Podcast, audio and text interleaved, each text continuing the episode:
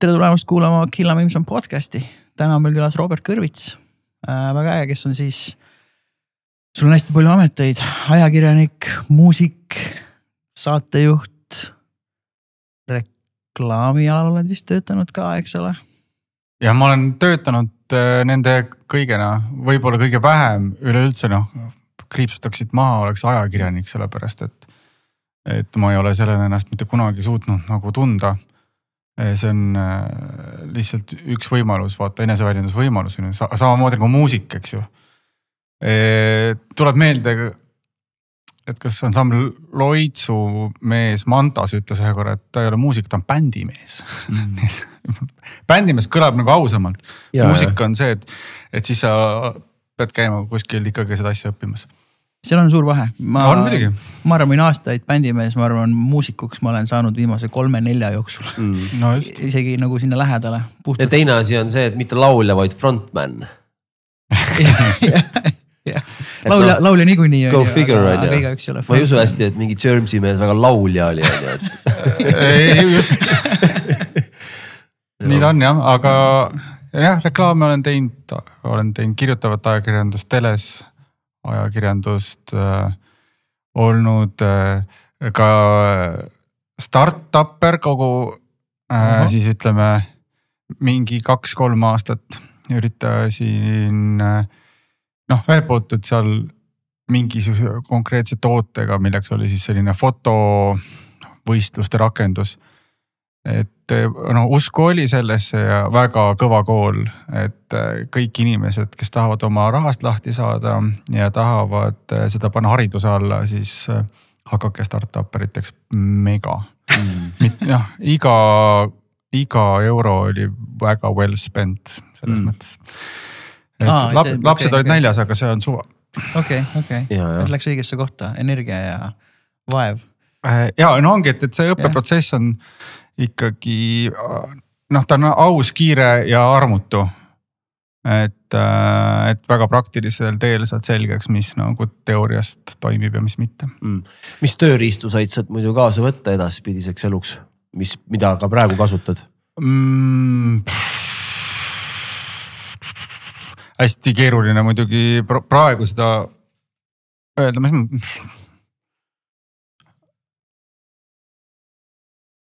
ma, ma niimoodi ei oska kätt peale panna, näpu peale panna, ma, ma ei oska vastata mm., ma ei tea. väga okei okay. et sa oled jah, me ennem just rääkisime siin, äh, saime siin Killaga kokku natuke ennem, et sa oled, ma arvan, meie jaoks kõige paremas mõttes selline müstiline, müstiline või müütiline kuju natukene. just nagu sinu ähm, noh, sa oled nii tegus olnud ja nii põnevaid asju teinud, et me hakkasime just omavahel rääkima, et ah, millal meil esimest korda nagu Robert Kõrvits nagu teadusesse nagu jõudis ja siis me huvitaval kombel jõudsimegi sinna ansambl, ansamblini jah äh,, saateni äh, Filter.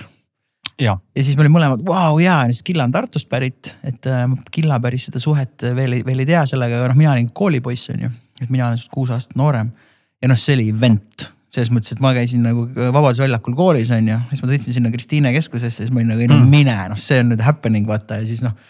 siis ma olin sinna, et noh, tatt on ju, et äh, jõlkusin seal ukse peal, vaata, aga nii hästi põnev oli, vaata ja siis hiljem olete Kristiine keskusse jõudnud, teinekord jõudsid sellest koju vaatama, aga noh, see oli, see oli kuidagi vau wow., noh, et see on mingi mm. asi, vaata. no minul läks see ikkagi seeläbi, et ma ikkagi joonistasin ja kirjutasin sinna saatesse soovides lugu, mida ka mängiti. mäletad ka, mis oli? Guns N Roses ja Yesterdays. vaata aga, ja hea valik reeglina ei olnud nii hea maitsega inimesed sinna kirjutamas et selles mõttes, et event missugune, see oli suur sündmus üle, üle vabariigiline, lihtsalt loomulikult ma ei näinud seda füüsiliselt, sest noh, Tartus ei olnud Kristiine keskust. aga muidu küll ja see avas palju, sest ega MTV oli niikuinii põhiline kasvataja ja see, et Eestisse jõudiski nagu järgi mingigi taoline formaat, mis oli ka enda nagu live.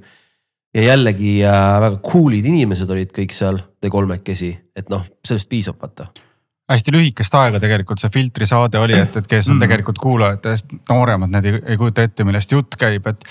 Et äh, formaat oli alguses äh, hästi suursugune, toimub Kristiine keskuses niimoodi, esimesel korrusel lähed sisse, seal on praegult äh, loomapood, see Jah. ja kogu see ala oli siis stuudio erinevad nurgad ja seal siis iga päev, ma ei mäleta, umbes viisteist, mingi nelikümmend viis või niimoodi oli algus mm.. loogiline aeg, kui koolilapsed jõuavad koju või siis keskusesse käisid külalised ja noh, ma olen ise täpselt samasugune tatt, siis olgem ausad. et, et minu jaoks oli ka see ju kohutavalt põnev. et nägin äh, ikkagi Anaconda ansambli tüdrukuid nii lähedalt ja sihuke, selline ansambel oli olemas. vägagi. et, et see oli kõik oli tegelikult ääretult põnev ja väga palju põnevaid äh, tutvusi ja vot see, see oli natukene ka see aeg, kus äh, tulid mingi noh, kogu aeg tuleb uusi bände Mm. aga, aga siis oli ka Claire's Birthday ja Super Slinky, Kurjam, Kurjam ma mäletan, et, et, et, et nendel oli siis lugu I am skinhead mis oli noh, mõistagi nagu, nagu nad teevad, on ju, see oli pila, eks ju. Mm. et kontravõtmes lahendatud ja siis nende video oli tehtud, et nende oli välja lõigatud äh, peenised, mis siis nagu, nagu, nagu nukufilmi tegelased hüppasid seal ringi mm.. ja, ja siis me pidime seda eetris näitama, aga siis keegi sealt väljastust tuli, ütles, et pagan, et, et see on vist nagu ikkagi natuke liiga karm. ma, ma tõesti ei mäleta, kas me, no see ei olnud kuigi pikk lugu ka, mingi minut kakskümmend viis, et kas, kas see lõpuks jõudis kunagi eetrisse, seda ma ei mäleta. Mm. okei okay,, aga see see oli äge, just Kristiine keskus oli just avatud ja sina olid, Heidi Purga oli, kes, kes kolmas? Sten Kraamer jaa, vot, Mm. ja käisin tal reedel külas just väga sp-, Kramer.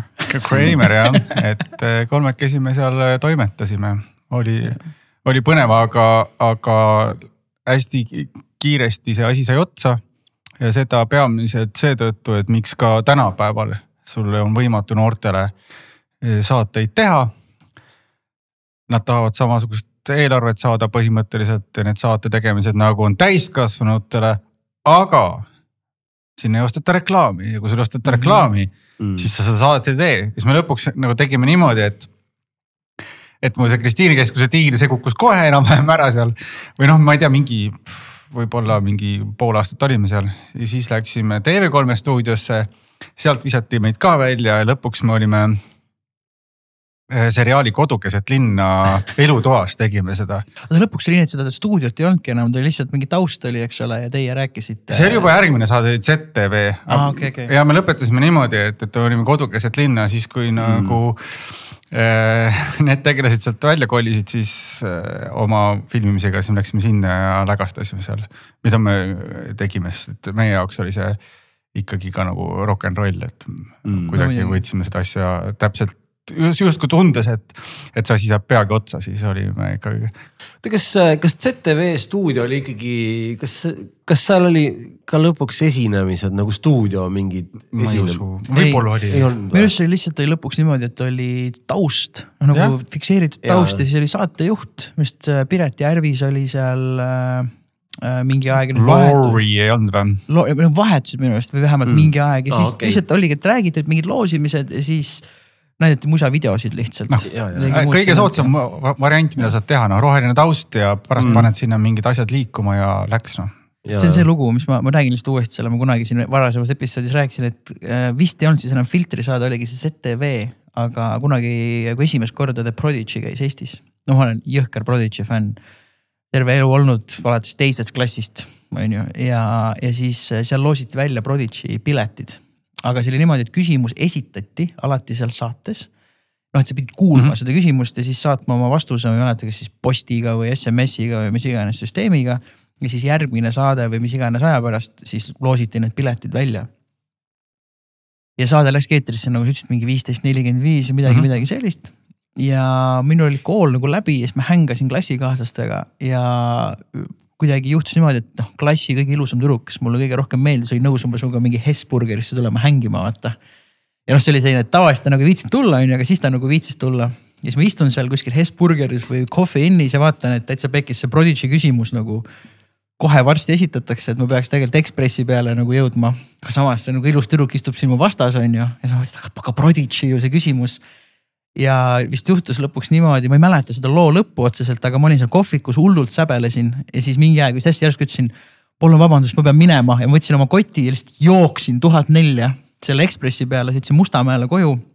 noh kiiresti koju, telekas sisse ja nüüd ma ei mäleta, kuidas see lõppes, kas see lõppes niimoodi, et ma just selle küsimuse maha maganud või just see küsimus nagu esitati, aga vahet polegi isegi, kuidas see lõppes, see oli nagu nii väärt seda, et ma nii-öelda justkui mm. äh, oma kohtingu natuke nagu nii-öelda noh, see ei olnud päris kohting on ju, aga sellise olemise veits üle lasin. lõpuks ma ostsin need Prodigy piletid ja ma ikkagi käisin seal jäähallis äh, vaatamas, linnahallis aga see tüdruk nagu, mis temast sai äh,? ei no me olime, oleme nagu head sõbrad edasi siiamaani, aga ei no selles mõttes me olime, ta vist nagu solvunud, ta oli võib-olla selline mingi imelik tüüp, vaata mm.. Aga tüdrukutele vist meeldivad imelikud tüübid ju. no mina olin tol ajal juba ka, ma olin siis nagu sellise, mul oli selline vastuolu, et ma olin, no ma hakkasin hästi varakult bände tegema, kui ma olin kaksteist mm -hmm., noh punkbände loomulikult, eks ole äh,. kolm bändi, esimese bändi nimi oli Noisemakers mis oli siis nagu sõbraga kahekesi Mustamäe korteris, tema mängis bassi ja karjus ja mina mängisin ja meie lihtsalt soolotrummi ainult, mis mul oli. ja tegime noh, tegime kõik plaadikujundused ja kassetid ja asjad nagu. Mm.. vahepeal kutsuti politsei ka isegi selle soolotrummi peale seal Mustamäe korteris, teine bänd oli ansambel Uss, mis väga romantiline, see oli selline vennaskonna sarnane bänd. Ja siis mu enda esimene, esimene bänd oli Protest oli selle nimi, esimesed kaks lugu olid Ment ja teise loo nimi oli Sitt riik ja me esitasime seda Westholmi nagu aulas mingi koolipeol, vaata. et äh, mis mu point on, et ma hakkasin hästi vara seda kõike tegema, aga koolis mul ei lubatud nagu selles pungikearis nagu käia, on ju mm.. et see oligi see vastuolu, et tavaliselt siis nad käisid koolis olid nagu korralik ja siis läksid koju tõmbasid ruudulised püksid nagu jalga ja tanksaapad jalga ja tagi selga ja läksid kui hirveparki nagu õlut jooma, on ju noh. see tundus väga romantiline tol ajal, kui tegelikult täielik tatt olin, on ju. mis mu point oli, et noh, et ma olin natuke selline scruffy Äh, juba ma neid Prodigy pileteid läksin nagu ka enda arust äh, hankima, on ju mm.. Äh, see selleks, igatahes lihtsalt kuidagi selle ajastuga mul hullult meenub see, kuidas sina nagu meie teadusesse nagu jõudsid. Mm.. ja miks me üldse võib-olla niimoodi nii-öelda julgesime või noh, tahtsime eriti veel sind siia kutsuda, Laura Prits käis meil siin külas ja siis ta kuidagi väga oli, et kuule, Robert nagu vaatasid, oh mingi äge podcast'i, noh, et ta kuidagi nagu minu arust vähemalt, et sa kuidagi mõtlesid, okei okay,, kui ta on võib-olla kursis, et selline asi on olemas, siis ta äkki on nõus tulema ka. Mm. ikka, muidugi, hea meel siin olla. jah, väga cool. ühesõnaga, äh, kas me saame äkki sinu noorusellu natukene sukelduda või? palun. kuidas sinu jaoks siis algas kõik see äh, lahe elu, ma mõtlen, et hmm. me teame nagu Kõrvitsa dünastiast nagu noh, me kõik natuke teame, et kõik on seal väga nagu kuidagi õigesti kukkunud, nagu öelda saab. pigem olete musikaalsed. jah, et hästi palju intelligentsi ja musikaalsust on seal kõvasti, mis on nagu lahe ja omamoodi nagu veidrad. et äh, just see mussi huvi vist on nagu sihuke kõigil väga ühine, et ma saan aru, et noh, kõik teie dads on ju äh, trumme mänginud ja kõik see, et juba nagu sündisid sellesse keskkonda, aga ma mõtlen just nagu mm,, mis vanuses sa ise nagu avastama hakkasid äh, mussi, välismaa mussi just, et äh,, et oh, see on lahe ja. varem, kui ma mäletan mm. -hmm. et päris ausalt noh, et ma nagu kuulasin, ma mäletan, et ma nautisin muusikat ikkagi niimoodi, et äh, ma olin ikka väga-väga väike. Mm.. Äh, et seda, seda võin küll tunnistada, et, et ma noh, et ta ei tulnud kuidagi järsku, vaid et sel hetkel, kui ma, mina pildist sain aru, siis ma juba nagu kuulasin muusikat. mõistagi esimesteks lemmikuteks oli The Beatles ja Searches oli ka üks bänd, mis peamiselt tegi vist cover eid hästi siukene lõbus äh, bänd, mitmehäälselt, istus hästi kokku niimoodi paigas, muss mm. väga meeldis. ja, ja tegelikkuses oli, oli ikkagi sai minu jaoks nagu saatuslikuks. ma arvan, et see võis olla ikkagi kaheksakümmend kuus või kaheksakümmend seitse, kui tuli hoopis minu ema vend, kes siis ei ole kõrvitsast, mu ema ja isa ei ole mm. sugulased enne abiellumist olnud ja, ja onu Vallot tuli ja ta pani, ütles nii, ütles mulle ja mu vennale, et davai, et nüüd istuge maha, tatid ja vaadake seda ja siis ta pani lint maki peale, lindi ja sealt tuli Metallica äh, kaheksakümmend kuus. Mm. ja noh, esimesest äh, esimesest hetkest ma sain aru, et, et see on kõike muud, kui mida ma seni olen äh, kuulnud ja kuulanud. et mm, see sai, see sai nagu hoobilt kohe mul lemmikuks mm. -hmm. ja väga näljast ja no minu õnn oli see, et mul oli, vend oli nii palju vanem, viis ja pool aastat, et, et ta, ta juba kandis kaela ja ta sai nagu käia ringi ja sebida kuskilt mussi ja samamoodi see onu Vallot siis äh, hangeldas kuskil mingit muusikat, nii et muusikapuudust ei, ei olnud äh,. ja noh, võib-olla tänaseks, täna ütleks, et, et, et totaalses nagu muusika defitsiidis või vaesuses elasime. Aga tegelikult oli see, et sa said selle plaadi või õigemini kasseti peale siis salvestatud asja ja sa kuulsid seda nii palju, et sa kuulsid ta nagu päriselt läbi mm.. noh, kordi, kordi, kordi. et sa ennem isegi ei võtnud selle ansambliga selle plaadi suhtes üldse mitte mingit hoiakut. et ma mõtlen nagu praegu, et ma nagu vihkan ennast, kuidas ma nagu muusikat kuulan, et panen peale, ma ütlen, aa see idee mm, äh,, pask mm,, ma ei tea, appi kui igav. issand jumal, millal nad, millal nad pointini jõuavad.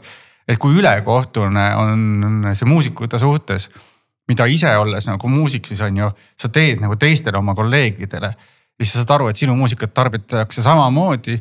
et see on nagu kohutavalt vastik, no see on paratamatu Mm. aga see oli jah, see oli nagu õnn, et, et, et, et sa võisid kuulata mingit asja ja kahekümnenda kuulamise pealt sa alles said aru, et oo oh jee, et see on nagu väga-väga-väga hea. ja, ja, ja iga kuulamisega tegelikult avaneb ei no, noh nagu raamatu lugemine ikkagi, et avaneb sulle iga korraga üha rohkem, jõuab kohale. ma loen raamatuid ainult ühe korra mm.. mina, ma ei, ma ei suuda, ma ei suuda ka filme vaadata mitu korda või seriaale. Mu naine, no ta muidugi loeb neli korda kiiremini ka raamatut, ma ei saa temaga koos voodis raamatuid lugeda, sellepärast et ma keeran nagu lehte korra tunnis. ta on nagu selle aja peale nagu raamatu läbi saanud, siis must nagu Homer Simpsoni kägistusmõte tuleb pähe ja, võta rahulikumalt, naudi neid looduskirjeldusi niimoodi. aga noh, lugemistempod on erinevad. ja ei no muidugi. mul on ka pigem aeglane, ma nii alati imetlenud ja imestanud inimeste üle, kes suudavad kiiresti lihtsalt boom mm. nojah, see, eks see on eesmärk ka, miks sa seda raamatut nagu loed veits, kui see raamat on sihuke, et sellest saab nagu õpik või midagi sihukest, et sa nagu tahad enda juures midagi arendada, see on nagu teistmoodi, aga ajaviiteks võib-olla tõesti jah. et noh, sihukese auku ja ah, okei okay,, aeg minna, tund aega sai täis. no mina ei suudagi ki- kiiresti lugeda mm., samamoodi mul on vaja kuidagi põhjalikult mm. läbi, läbi, läbi nagu töötada see. aga siis see onu oli ikka väga-väga nagu, nagu modernne onu, ma mõtlen nagu selles mõttes, et noh. Kunagi meil oli ühine ta oli, ta oli, ta oli kakskümmend üks siis noh, mis asja ta on. ah, okei okay., ja, ja, et äh, ta oli ju täpselt selles eas, kus nagu käss on. et no mis Mhm. puudutab äh, uut Ja, ja. mussi ja värki noh. no päris noor onu ikkagi ju ja, ja, ja hmm.. okei okay.. neli, neliteist aastat, ma ei tea, kas ma tegin oma peas rehk- rehkendused õigesti ah,, aga okei. niimoodi Ja, ja, võib noh siia-sinna, aga noh, põhimõtteliselt äh, ta, mina olin seitse, seitse pluss neliteist on kakskümmend midagi või? ma ei tea, ma ei oska arvutada noh. kakskümmend üks on jah, täpselt saad ka sintsi minna. aga seitsmeselt ja ei no see on, kõlab väga loogiliselt, siis on tõesti, siis nagu avastad selle kuradi, selle põrgu ja ilu nagu ühes, eriti sihukese hevi puhul. ei no tihtipeale see ongi see murranguline punkt, me oleme siin ka rääkinud mm. üldse, et noh, sul on, eks ole, kolm last, eks ole. Et noh, mõtledki, et, et sa, sa isegi võib-olla ei, ei suuda ära tabada seda hetke, mis iganes asjaga, neil käib mingi klikk ära mm.. vaata, et või ma ei tea, et noh, ütleme, kas sinu vanemad panid tähele, et ah, kuule, Robert on nüüd hullult mussi teemas, vaata järsku. noh, mõistad, et, et, et see võib olla täitsa nagu ei, selline. see oli ikkagi nõukogude aja lõpp, siis vanemad ei vaadanud üldse oma lapsi. Ah, no, hea, ei, kui nad nimegi teadsid. see oli mingi, mul endis mingi koomik ütles, et, et kui sul on, kas sa ütlesid neli last või rohkem, et sa ei pea enam nende nimesid teadma, vaid sa võid öelda lihtsalt hey you. põhimõtteliselt jah. aga lihtsalt see minu jaoks hästi põnev, et noh, minu mäletan, kui mul see klikk ära käis, et, et noh, keegi justkui ei pannud tähele, mis jumala fine, aga lihtsalt, et see oli minu jaoks oli hästi märgiline, nagu sina sellest metallikast räägid, et okei okay,, ma sain aru, et nüüd on, see on teema mm. -hmm.. noh, et äh,. Muidugi oleks võinud olla mingi põnevam artist kui Metallica, et Ei, oleks ei. saanud nagu öelda midagi hästi UG-d, aga lõppkokkuvõttes üldse ei häbene seda, et. ega tol ajal oligi fresh ju. see, noh muidugi Metallica kaheksakümmend kuus oli midagi muud kui Metallica kaks tuhat kakskümmend kaks. No et see täpselt. oligi põhimõtteliselt ikkagi nad olid ju just kaks aastat äh, põhimõtteliselt olnud nagu enam-vähem selline suur nimi, aga ikkagi mitte maailma number üks rock Mm. kaldkriips metal ansambel. et, et nad olid ka just läbi murdnud jah noh, mina näen seda niimoodi, ma olen hästi palju muusika peale mõelnud, et kui vähe või kui palju on meil võimalust kuulda esimest korda midagi, mida me justkui ei ole varem kuulnud ja minu teooria on näiteks noh, et Zeppelin ja Hendrix olid sellised asjad, et okei okay,, olgugi, et kui Zeppelin on see bluus on ju, aga nii valjult, nii agressiivselt sellise power'iga. justkui on keegi varem seda mänginud, inimesed olidki nagu Mm. pahviks löödud, et mis asi see on ja mul on Metallica suhtes täpselt sama, samasugune teooria, et noh, oligi, oli igast raskemat mussi ja värki on ju, aga see oli esimest korda selline, et noh, et, et inimesed kui see, noh, kui sina olidki, eks ole, kaheksakümmend kuus, kuueaastane on ju, et, et kui see välja tuli, see oli täiesti pahviks, et selliseid helisid, kuidas nad on omavahel match ima pandud, kuidas nad on kokku pandud, kuidas see välja näeb. see täiesti nagu, mis asi see on ja see on nii äge moment tegelikult nagu ajas, noh äh, minu jaoks näiteks oli samamoodi oli, ütleme, Korn noh, et ma teadsin, ennem oli Fate No More, kus nad said mõjutusi ja kõik see. aga Fate No More ikkagi selline rockilik, aga noh, Corny Blind on ju, see hakkab, lugu hakkab Raidiga esiteks näiteks on ju. ja mingid asjad, et noh, see oli ennekuulmatu, tüübid mängivad madalate kitarridega, on rastad on ju, samas noh, et, et see oli minu jaoks täiesti selline. rastad ja dressipüksid. dressipüksid vaata, et see oli selline, mis asi. paradigma no, murd. noh, et see, see on nagu noh, ma olen jõudnud mm. kohale vaata, et, et see on see asi noh, et selliseid asju ei ole, ma arvan, selliseid asju ei juhtu nagu tihti ütleme üldse nagu muusika ajaloo, loo mõttes, kui tuleb äh, mingisugune uus liikumine või noh, nii-öelda uus žanr kuidagi, mis lööb nii pahviks inimesed. et seda ma arvan, et see, et sa Metallicat kuulsid seal, see oli sinu jaoks samamoodi noh, pahviks löömine, et võib-olla kui sul äkki kodus oli varem mänginud mingid Beatlesid või, või Zeppelin mm -hmm. või mis iganes, järsku oli vau wow,, nagu siin on mingi hoopis uus sound, uus, tüübid näevad välja hoopis sellised, on ju, et see on noh, see on vägev mm, -hmm. metsikult vägev. seda ma ei tea, millised nad välja nägid, sest et see oli lintmakk. aa, lintmakk oli, aa. ja ma ei, ma, ma võisin ainult ette kujutada, aga. aga seda ägedam. seda ägedam jah. teine samasugune hetk oli, kui ma nägin kas üheksakümmend üks või niimoodi, üheksakümmend kaks MTV pealt Headbangers Ballis näitas mingisugust festivali ja seal oli ansambel Helmet. ja ma olin mm. Helmetit nagu varem nagu mingi ühte lugu võib-olla kuulnud. ja siis ma vaatasin, mõtlesin, et aga kes need mehed on või mingid miks nendel on lühikesed juuksed, miks nendel on mingid täiesti suvalised riided seljas yeah.. mingid naabripoisid on tulnud ja siis nad teevad nagu nii head bändi, et nii ei tohi ju. Mm.. just see, et nii ei tohi teha, et miks te, miks te olete valesti kõik. Yeah. ja, ja see võttis aega väga pikalt, et, et hakata märkama seda, kui palju just siuksed erinevused äh, on andnud juurde ja, ja, ja rikastanud enda elu ka või noh, tegelikult ju seesama metalliga juurde tagasi tulles, et. et noh, Cliff Burton ju põhimõtteliselt käis kogu aeg ringi nagu seitsmekümnendate mm., noh oligi nagu tsepimees on ju alt laiad püksid ja. ja, ja. lokkis juuksed. lokkis juuksed ja vuntsikesed, eks ju, et, et aga, aga minu jaoks ta oli kogu aeg nagu üks osa metallikast nagu loogiline osa, alles hiljem ma sain aru, et, et see, mille, kuidas tema ja nagu ennast nagu riietas, et see oli tegelikult ka karjuvas vastuolus ülejäänud bändiga. see on ka tegelikult äge.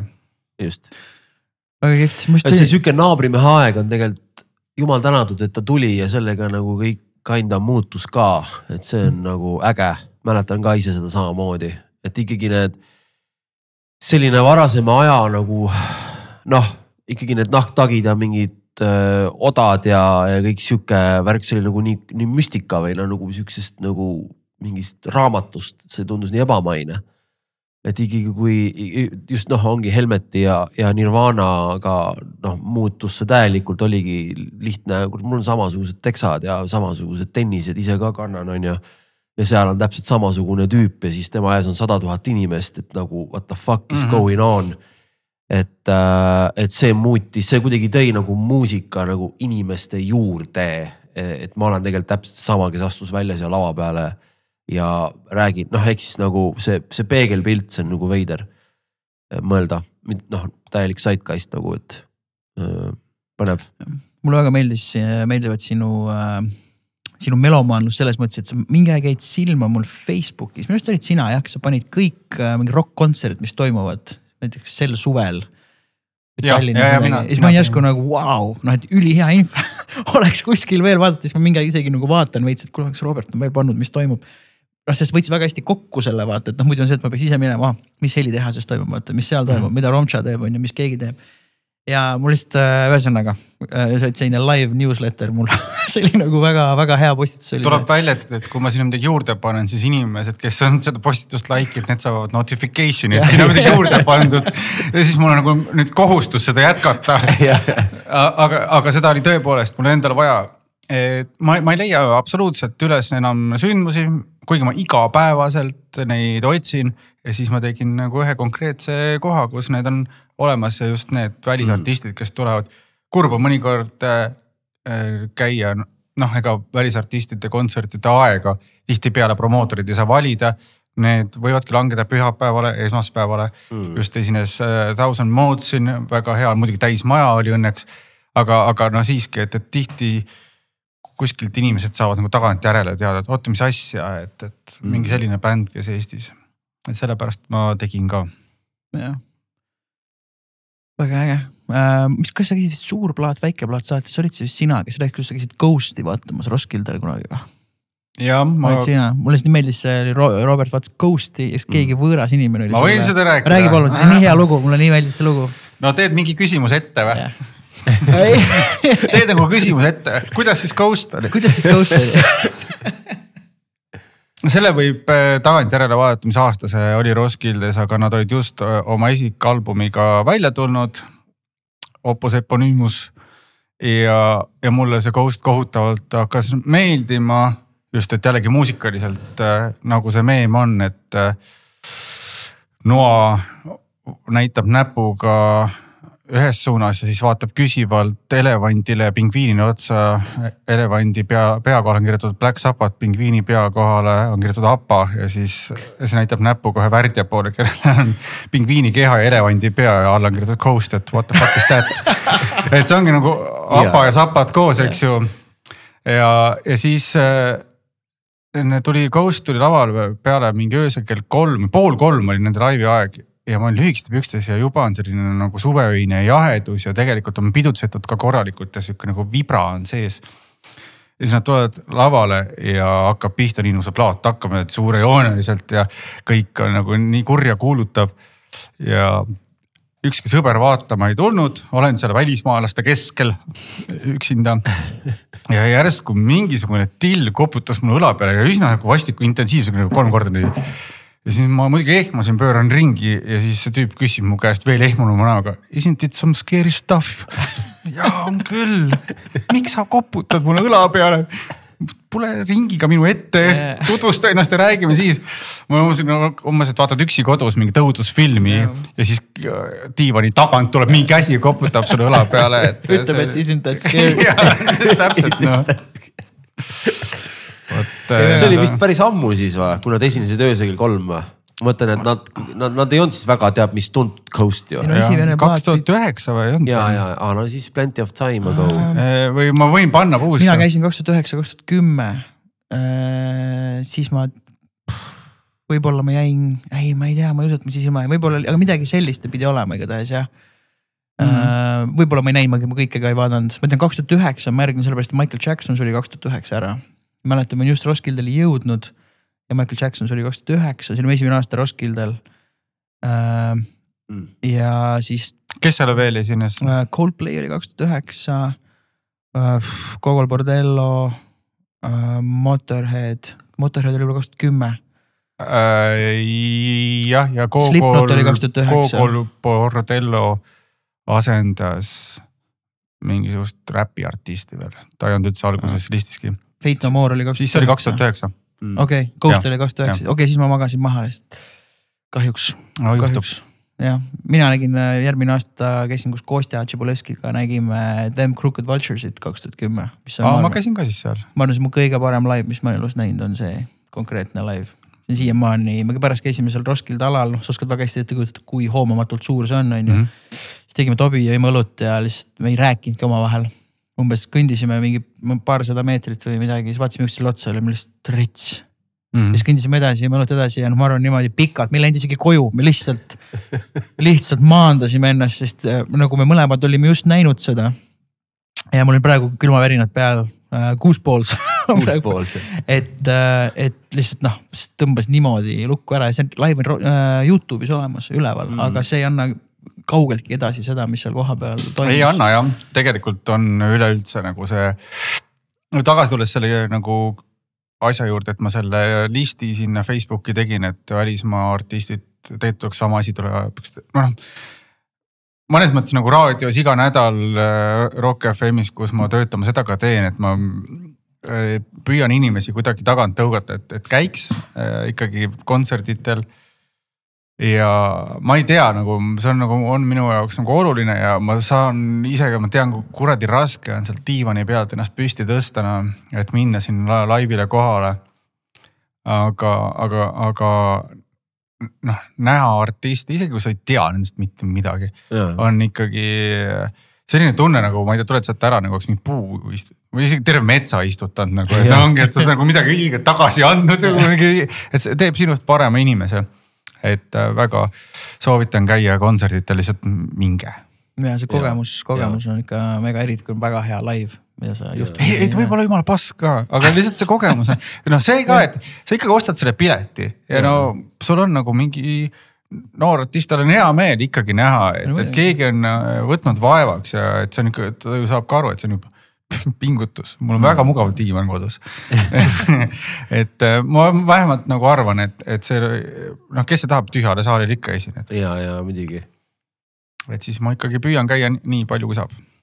jah, keegi vist ei taha, aga mina ise olen tähele pannud, päris äge on mõnikord. et ma ei tea, kuidagi ma tunnen, et ma panen eriti gaasi põhja, kui mitte kedagi justkui ei ole, siis on see, et Mm. nagu need, kes on, ma tõmban teil nagu sõidan neil heas mõttes eriti veel nagu mm Mhm. -hmm. üle, et noh, et siis pärast rääkige sõpradele ja järgmine kord on. jah, saad seda trotsi ikkagi välja. jaa, absoluutselt, aga mulle, mulle, mulle küll läheb tuju ära kunagi, et selles mõttes, et ma olen, ma ütlen, me oleme siin rääkinud ka, ma olen iWare'i kuskil Frankfurdi külje all olnud, kus äh, pool tundi enne laivi tuli promootor, ütles, et noh.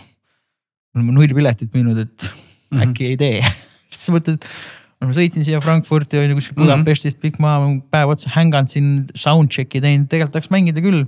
Ja lõpuks siis müüsime mingi üheksa piletit, mingi kümme mintsa ennem tuli ja me olime promootoril, noh, et tahate mängida, ütleme muidugi tahan mängida, vaata. ülikõva nagu õige ja venue oli jumala äge, on suurem kui Rock Cafe kunagi oli, noh kõik hea PA ja Valo ja kõik oli põhjas, siis mõtlesin, et davai. ma olen selle üheksale, üheksa inimesele mängin täiesti mu hinge niimoodi ribadeks praegu, et nagu noh. et nad on, nad, et nad lähekski koju, läks täitsa pekis, teate, mis täna seal klubis toimus. ja ainult üheksa inimest ainult oli. üheksa inimest oli see mingis tuhande viiesajases venue's vaata aga see on jumala äge, mind need asjad ei häiri, mõned äh, artistid või noh, muusikud vahet pole, ma teen, tõmbavad täitsa lukku ära mõnikord. et kuidagi hakkavad nagu mossitama või jonnima selle, sellise asja peale, ma mõtlesin, et noh, ma ei tea, so what või nagu. mängida on ikka jumala äge ju Mm, Need nagu, üheksa inimest ennast kohale vedanud. täpselt, meil oli ühe korra ju Tartus, sellest kirjutas isegi Postimees artikli, oli ju vahva lugu, kuidas pidime ansambliga Dead Fury's Tartus esinema. Juba olime paar korda nagu olnud seal ka ähm, genialistide klubis esinenud ja juba teadsime, et noh, üldjoontes nagu peaks tulema kõik normaalne ja teeme soundcheck'i ära, oleme seal tagaruumis, kätekõverdused, teeme väikse pitsi yeah., kuradi pead kokku, kaelakuti ja go power, kõik on hästi. ja siis piilume välja sealt backstage'ist vaatan, saalis üks inimene istub, sass, täiesti ebanormaalne. istub ka otse kõige parem. ja see taga on seal jaa, astmete jaa. peal istub. ja lähen küsin nende piletimüüjate käest, kes seal siis saali ees on, et, et mis toimub. ma ei, et palju piletid on ostetud, üks, see ei ole normaalne. see, see, see ei ole praegu normaalne. ja tuju läks nii ära, mõtlesime, et aga, aga no siis on nii, tead, mis siis ikka, kui ole, oleme antud hetkel planeedid näitavad, et me oleme nii siit bänd, siis oleme, on ju. pakkasime asjad kokku. ja pillid kotti. mõtlesime, et aga genialistide klubi all on mõnus baar, võtame sealt joogid ja meie teeme siis mõnus õhtu endale ei, ei, mänginudki siis sellele ühele inimesele ei, me kinkisime talle plaadi ja Aa, särgi okei, okei, okei. ja ta oli Järva-Jaanist tulnud kohale ja ta oli väga tu- tubli ja ta oli väga õnnelik. ja siis äh, aasta hiljem me nägime teda vist kontserdil ja, ja võtsime joogid. see oli suvine aeg. Läksime sinna äh, all see Möku nimeline baar, eks ju, läheme Mökust välja maja esineja, rahvas täis, kõik nagu mõnusalt võtavad napsu, teevad suitsu, räägivad juttu, sumin käib. ja siis äh, üks äh, inimene märkas meid, küsis, et oh, kuule, millal te lõpuks peale lähete? Ei, me ei lähe ju, et kedagi ei olnud. mis asja, me lihtsalt tegime aega parajaks, tuli välja, et kõik olid seal nagu ah. maja ees ja ootasid, millal me pihta hakkame lihtsalt ja, jah, no suvel on palav ja väljas ja olla. no täpselt, kõigil kõigil oli väga mõnus olla ja absoluutselt ei nagu ei vedanud seda nagu kokku, seda teemat ja siis. Ja see õhtu lõppes niimoodi, et me lihtsalt jõumisime nende inimestega hoopis väljas ja tegime live podcast'i seal, rääkisime sama juttu ja, ja see ei esinenudki. et äh, keegi otseselt nagu väga nagu ei hakanud nagu nõudma ka, mõtlesime, "Ah, las ta olla, et äh, story'na parem. Väga äge, noh, see on selline eestlaslik värk ka vaata noh, ma ei tea siis kedagi või noh, ärme siis nüüd küsigi või uuri asja vaata, et äh, lähme siis. ma ei teadnud, et Tartus peab hakkama mängima, et siis nad tulevad kuskilt aukudest välja, ma ei teadnud siis peab seda. olema mingi introd või asjad, põhjused lihtsalt kogunemismuusika põhimõtteliselt. ja, ja siis oligi, et järgmine kord, kui esinesime Genialistides, siis minu meelest oli toonane ans- ansambli eh, siis meie frontman'i eh, Ardo Kivi eh, abikaasa Irene lihtsalt läks alla ja karjus kõva häälega, bänd hakkab kohe peale. siis kõik oh,, ja, ja, ja, ja, ja. Irene oli just, käis just eelmine, eelmine nädal, käis meil just episoodis. Tore. äge äh,. aga minul selline küsimus huvi pärast äh, üldse bändi tegemine, kas see algas sinu jaoks Blindiga, kas Blind oli see esimene bänd või mängisid sa varem veel kuskil? ja ikka mul on Mis kõige esimene- kõige esimene äh,, alustasime nii sooloartistina. Okay, aga ei, kõige esimene nagu päris bänd ja ma jälle hiljaaegu kuulasin ja mõtlesin selle peale. oli koos äh, äh, oma venna ja onupojaga ehk Henri Kõrvitsa ja Mihkel Kõrvitsaga tehtud ansambel Nocturnal Beast Inside.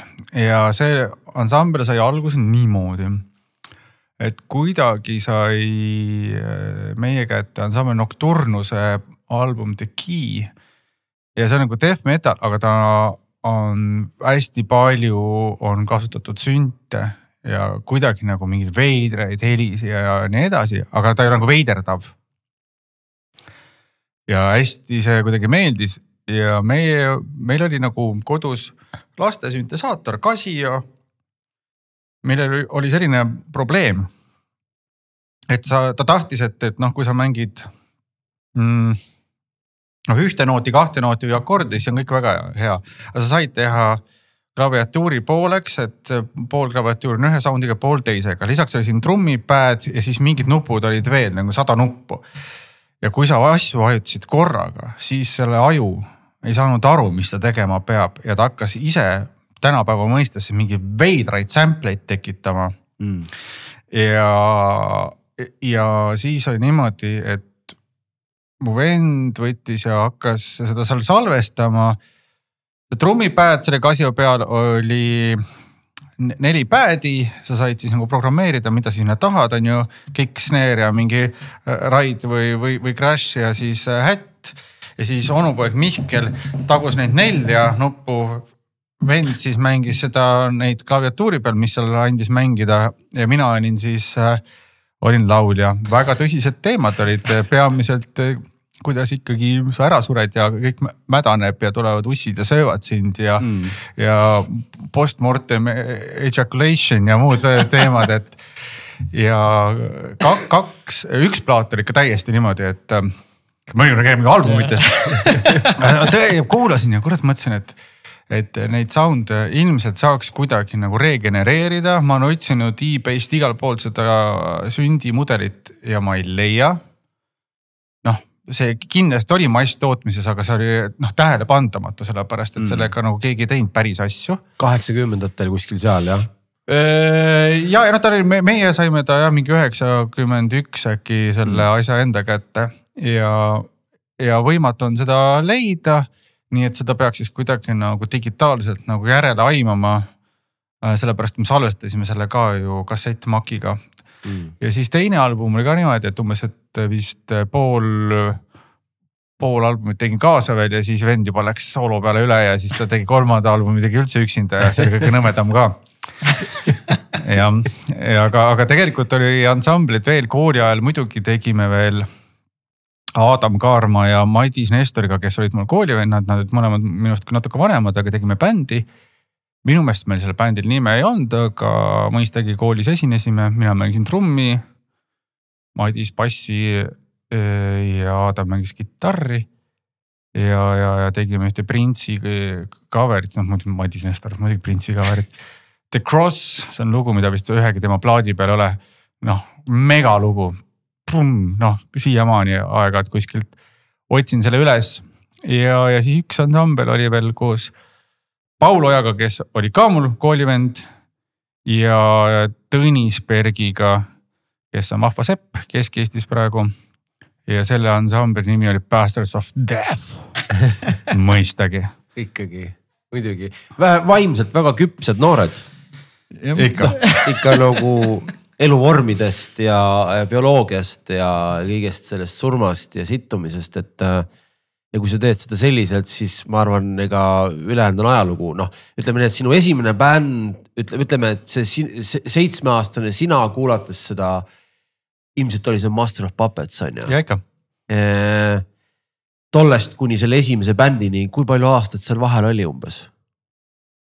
Kümme aastat või? ei, ei, Ei, ei viis, vähem. Viis, jah. viis, aastat umbes jah, viis. Noh, viis, kuus. ja ma ise tunnen seda bussina, et mina alustasin, ma alati olen selline, ma olen nagu selline hardcore vend, alustasin pungist, vaata. Robert alustas Defiga kohe, vaata. see on selline, et holy shit, et nagu. no tihtipeale sul ei ole valikut, vaata, et sa pead nagu tegema sellest sidrunist head morssi või noh, et, et äh, jumala eest, teeme siis death'i nagu no,. Võib-olla seal ei mõeldudki teab mis väga, siis tundus nii loomulik ja keskkond ja, ja ikka, et. see ongi oluline, ma arvan. ja toona ikkagi jah, mingi kümne-üheteist aastaselt ma kuulsin ainult nagu Defi, võib-olla mingit saksa trash'i ka vahepeal ja noh muidugi Anthrax väga meeldis trash'ist veel nagu lahjematest asjadest rääkides, aga, aga ja Morbid Angel ja noh, siis Obituary, D-Side. Cannibal nii väga ei meeldinudki, aga just nagu need, mis on natuke nagu õhulisemad või põnevamad. No ikka UG stuff on ju. noh, nii ja naa, kuidas sa, kas sa ütled nagu Obituary või ansambel Defi kohta, et nad on UG-d, et nad on Ja, ja, ikkagi ja. ja. death metal'i absoluutselt nagu esinumbrid, nii et jah. Mm. okei, aga sealt edasi siis äh, see kolmanda plaadiga nagu läksite laiali, onju. ja, ja, ja ja, Jah. ja siis tegite selle Prince'i cover'i ja kuhu ja kuidas siis, kuidas basskitarani jõudsid? Aga see oli niimoodi, et ma mängisin vist Ennu rattal plaate, saad aru, kõik ikkagi muusikud lõpetavad Ennu rattal plaadimehena. ja sinna tulid äh, Urmas Voolpriit, Andres Ohu, niisama pidutsema, ikka inimesed käivad. Ja, siis äh, rääkisime, siis nad ütlesid, et, et, et nad tahaks nagu teha, aga Joel ei viitsi teha. Ja siis ma ütlesin, ma tulen muidugi teile bassi mängima, see ve- vestlus kestis kümme sekundit täpselt ja nii, nii Ja, ta läks. basskitarri ma ei olnud elus varem käes hoidnud. ja, ja noh, lihtsalt see enesekindluse level oli selline, et, et küll ma sellega hakkama saan. et kõige esimene live oli Kapa Rock Mm. ja muidugi ma olin proovi teinud mingi seitse või kaheksa proovi.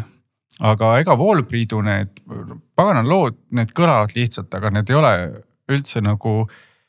seal mingi akordide järjestus on kuradi fucking keeruline nagu, et, et äh, rääkisin sel teemal ka küll kurval sündmusel, aga Urmas Wallbreedu matuste järgselt äh, Vaiko Eplikuga, kes ütleski, et äh, et Wallbreedu nagu songwriting skills oli nagu mega, et, et tal oli nii oma lähenemine sellele, kuidas akordid nagu peaksid tulema ja just nagu ta leidis mingisuguseid veidraid variante, aga mitte sellepärast, et veiderdada, vaid sellepärast, et talle tundus see nagu loomulik.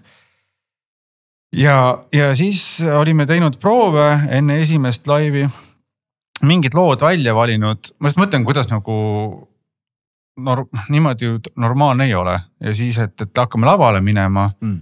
ja siis ütleb Urmas, et alustame looga mingisugune kuradi, ma ei tea. Flower on the wall on ju. ma ütlesin, me ei ole seda proovis teinud, Urmas ütles jaa, aga see hakkab A-st. ma ütlesin, aa right, kui see hakkab A-st, siis see hakkab A-st. sul on ikkagi noh, okei okay,, Kapa festival ei ole nagu mingisugune nagu kõige suurem, aga ikkagi sul on seal mingi tuhat inimest. vahet ei ole, isegi on üks inimene, sama Järva-Jaani mees üksinda istub. sa ei lähe lavale niimoodi, sa hakkad eh, esimese, esimest korda bändiga see on esimene kord, kui sa hoiad käes basskitarri, no ütleme üheksas kord mm.. ja siis hakkad mängima lugu, mida sa pole isegi tegelikult äh, äh, läbi mänginud, veel vähem, see oli üks vähetuntud brändi lugusid, mida ma ei olnud ka piisavalt kuulanud, et ma saaksin loomulikust intelligentsist, mida mul seda pilli mängides mõistagi ei ole et, et kuidagi tuletada, see ei ole bluus on ju, et sa lähed nagu täpselt seda ühte sama skeemi pidi. ja siis ma seal, mina ei tea, kuidagi ma olin seal ilmselt näost kergelt ruuge, midagi ma seal nagu tegin seal lava peal, imiteerisin plõkk-plõkk-plõkk ja, punkrock. Ja nii ta, nii ta läks, et, et nii ma jõudsin selle basskitarrini, et äh, kas see oli äkki mingi kaks tuhat neliteist Kaparokk või? ei, see täitsa algus pidi olema.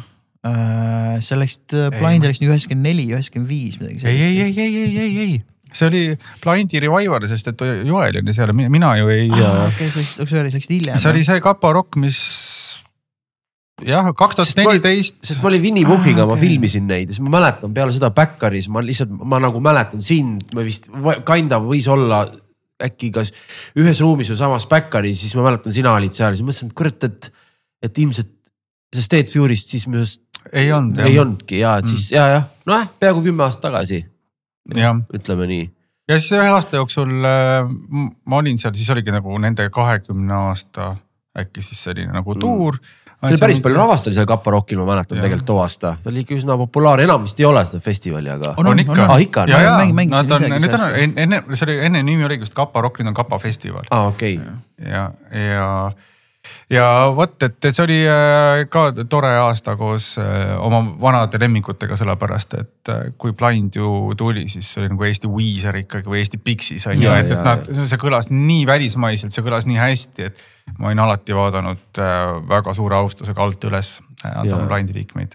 noh, minagi mäletan, Seitse vaprat oli minu jaoks nagu A ja O saade Mm, absoluutselt. see oli noh, sealt sa saidki kogu mussi ju Ja, kätte ja ikkagi blind oli, see oli põnev. no sedasorti indikas äh, oligi samaaegselt väga popp ka maailmas, et see Pixies on hea näide sellest küll. no me saime kunagi Aidesega Põlvas blindi soojendada nii-öelda, see oli noh, metsik event oli.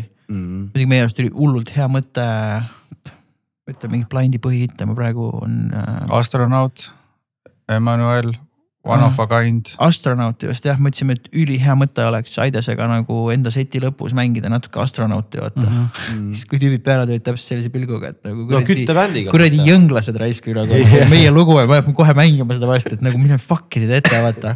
Ja sel hetkel mõtlesin, et oh ma üldse nagu ei mõelnud selle peale, vaata, aga noh, me olime mingi kuusteist või midagi sellist Mhm. ja noh, siis tatid just mõtlesid, et oh Mm. äge vaata, et äh, viskame tüüpidele homaaži ja props'i Mm. vaata, et äge bänd, ega mingit issue't ei olnud, aga noh.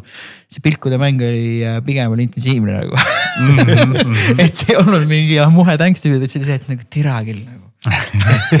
see jah, ma täpselt kujutan ette seda, kuidas Wallbreed seda oskab. mis koolis sa muidu käisid? keskkool?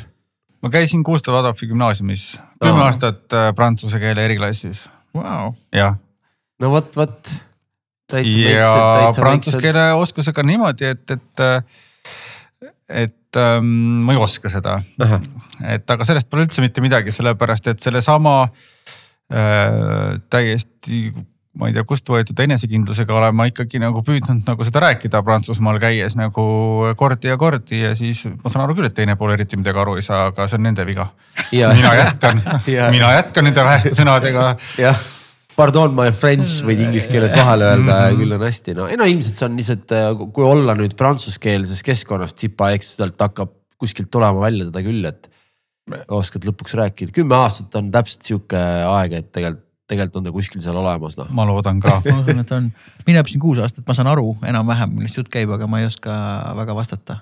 ma, ma, ma ei tea, kas sa oled vaadanud viimasel ajal Prantsuse televisiooni näiteks, Prantsuse filme. nüüd on nagu see probleem ka, et isegi kui sa paned endale nagu prantsuse supakad, siis prantsuse keelega on põhimõtteliselt sama asi juhtunud, mis on soome keelega, et äh, nad on lasknud nagu käest ära selle õige momendi või noh, et, et see on sihuke konservatiivne jutt, aga nad on toonud ka no supakatesse siis äh, nagu selle keele lü- lühivormide sellise leveli, et, et tegelikult sa, sa, me ei õppinud koolis seda keelt, mida nüüd tänapäeval räägitakse. me räägime mm. nende jaoks mingisugune pirud kahel otsal lõkendama stiilis nagu unarkeelt Okay. et sellepärast on ka keeruline meil omavahel äh, suhelda tänapäeva prantsusega, sellepärast et nad noh, nad on, räägivad hoopis teist keelt, see keel on niimoodi arenenud eest ära läinud, et, Mm. et see ei ole sama asi.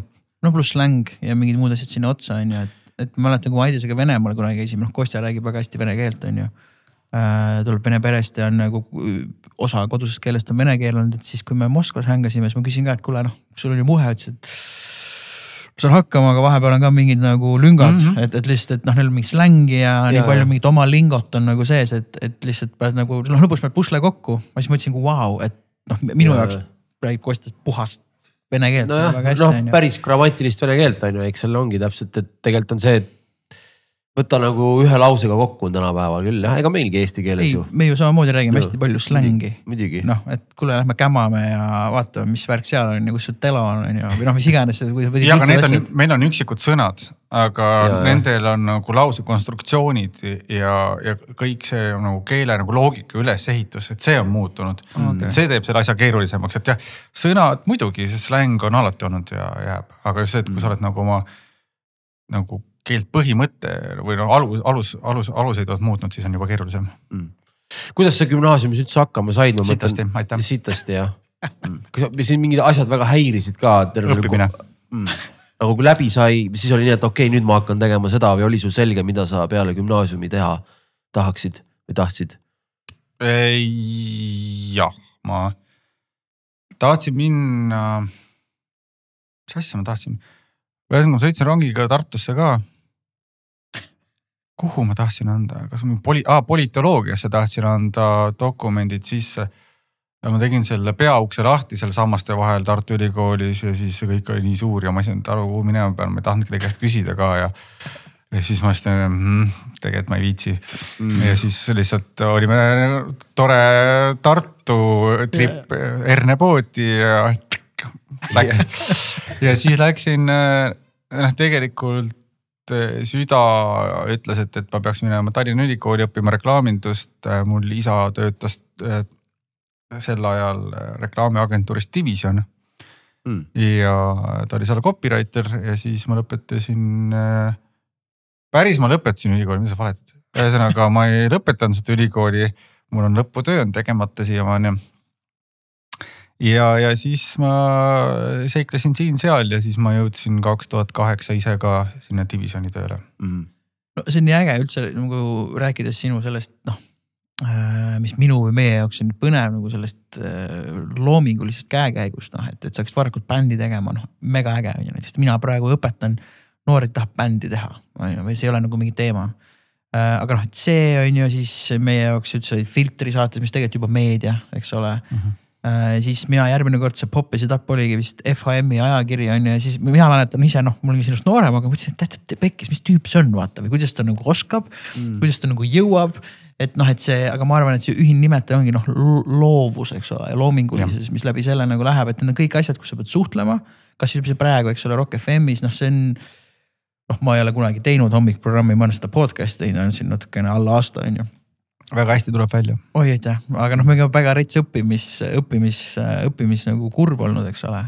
aga et sa noh, et ma nagu imetlen seda, seda, seda loovust täpselt, see nagu sa pead ujuma nagu kogu aeg noh, mitte errorites, aga sa pead kogu aeg nagu hakkama saama, noh muusikuna samamoodi, et me oleme rääkinud, et kui sa oled noor tüüp näiteks on ju, et noh, et alates sellest, et sa. ma ei tea, suhtled helimehega, mis kell me välja sõidame, siis sa jõuad sinna kohale, siis on mingi probleem, siis sa pead suhtlema selle kohaliku, ma ei tea, maja tehnikuga või üldse, kes seal uksed lahti teeb, on ju, siis sul ei ole midagi, mis sul vaja on see kõik võtab seda, et kuule, räägime, sa pead olema nagu viisakas, noh austusega ja nii edasi, on ju, ja see loovus sinna otsa, siis sa pead veel sooritama, on ju, et pole, kas sa teed ajakirja või raadiot või, või muusikat, see on lihtsalt, mul on vinge. Mm. kaua sa töötasid divisionis?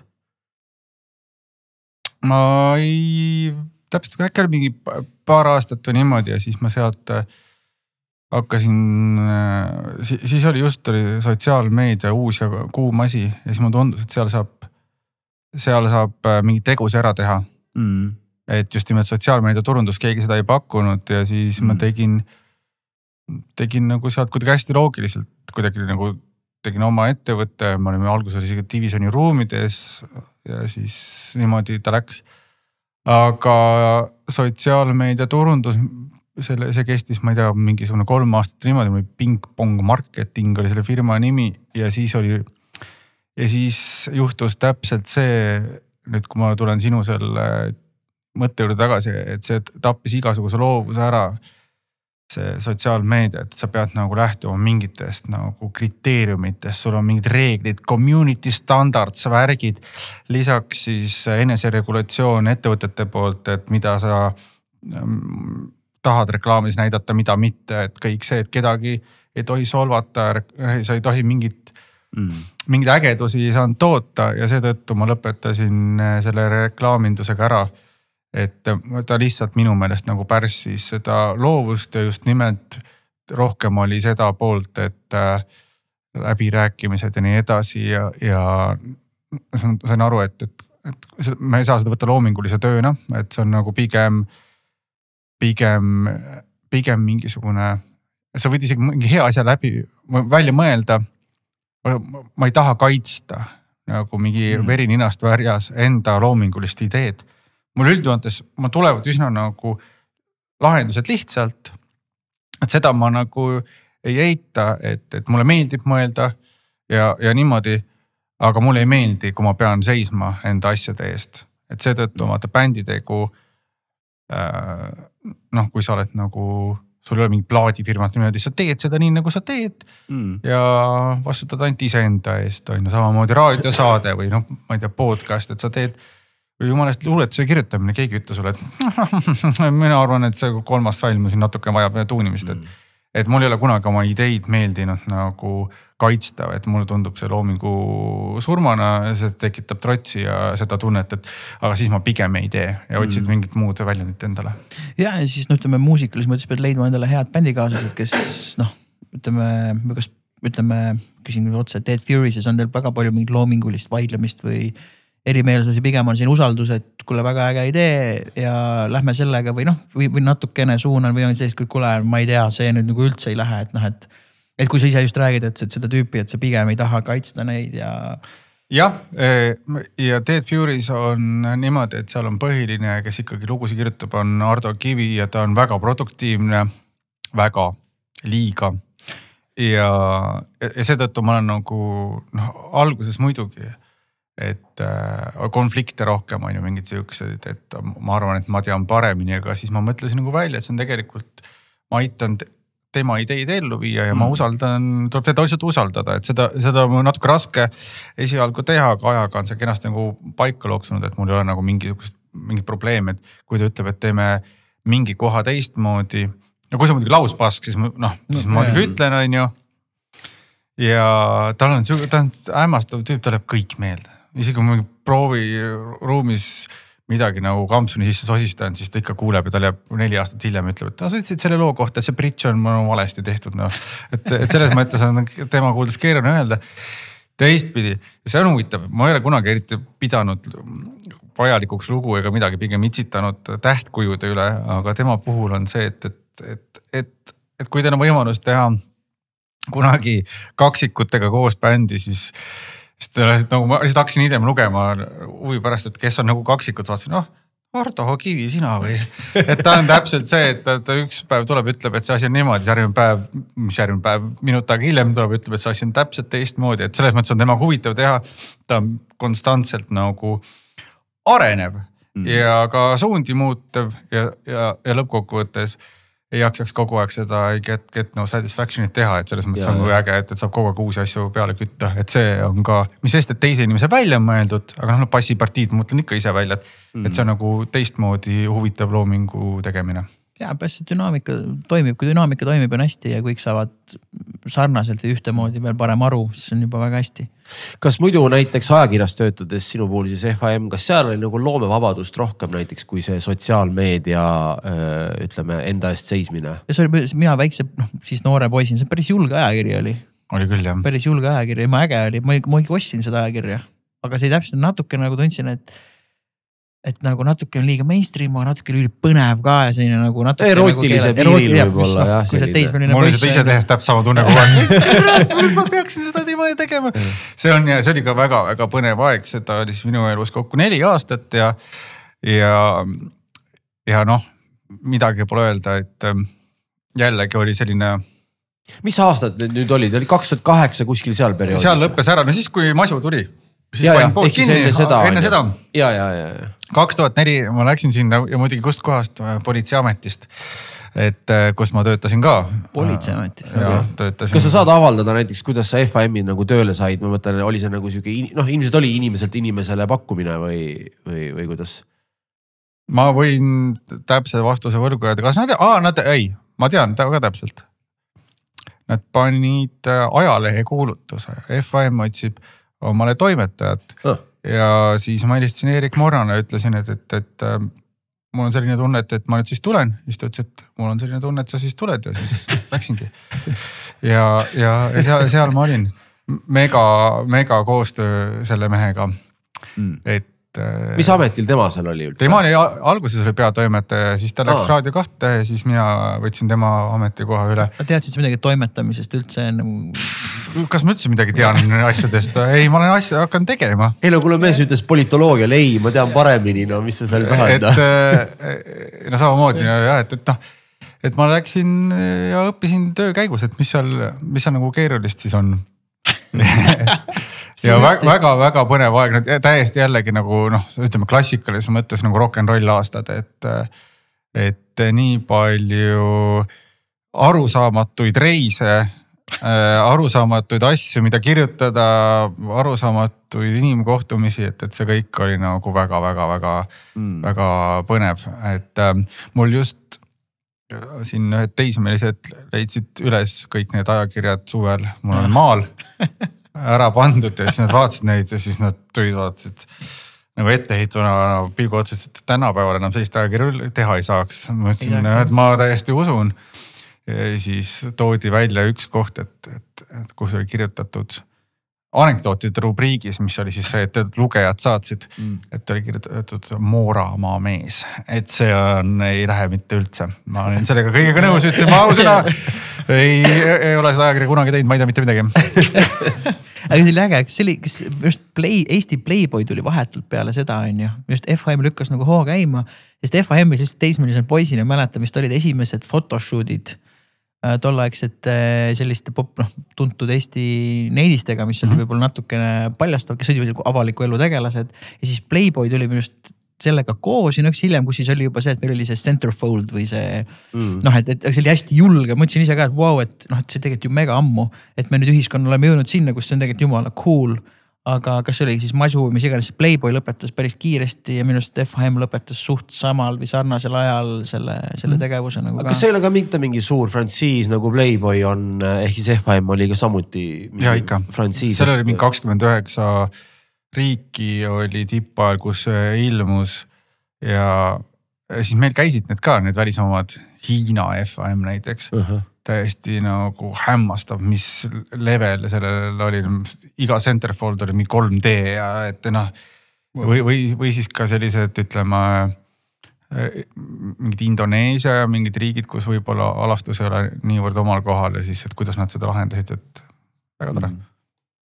kus see kontor asus Tallinnas siin? Paldiski maantee kakskümmend üheksa.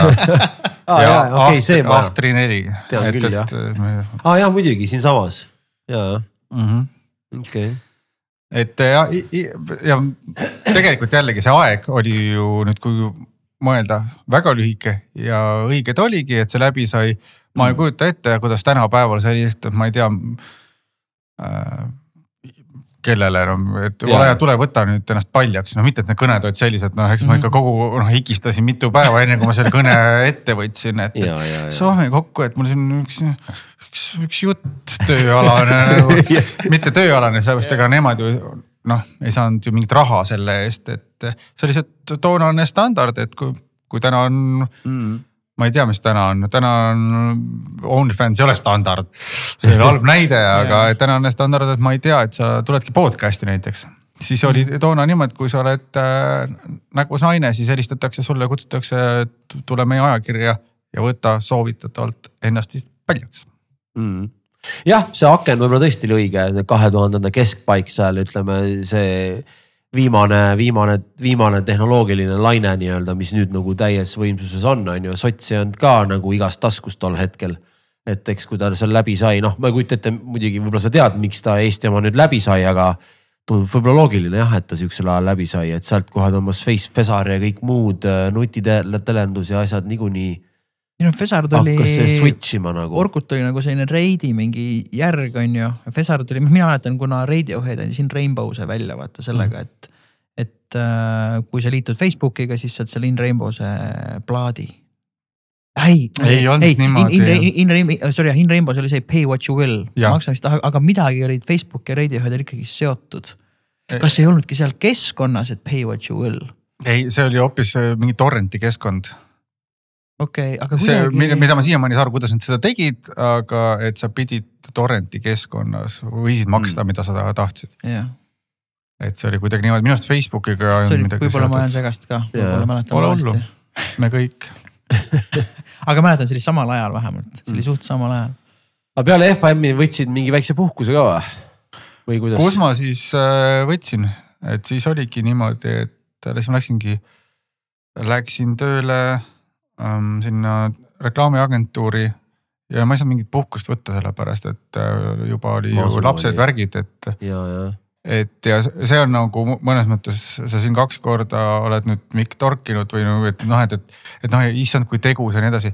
sul on raske mitte olla tegus, kui sul on vaata nagu pere on taga, siis sa lihtsalt pead olema tegus, sest et mitte noh, mitte ainult sellepärast, et kardad, et äkki ei ole nagu homme süüa midagi vaid sul raske lasta puhata noh, et sa, sa ei saa, sa ei saa pikutada normaalselt ja siis sa pigem ütled, et ma lähen nüüd äh,, äh, siis vaatad nagu see äh, ringi toas. ma lähen nüüd õpin äh, ventilatsioonipaigaldust ja siis õpid selle selgeks, ma käisin muuseas äh,, õppisin lambakasvatajaks vahepeal Olustares.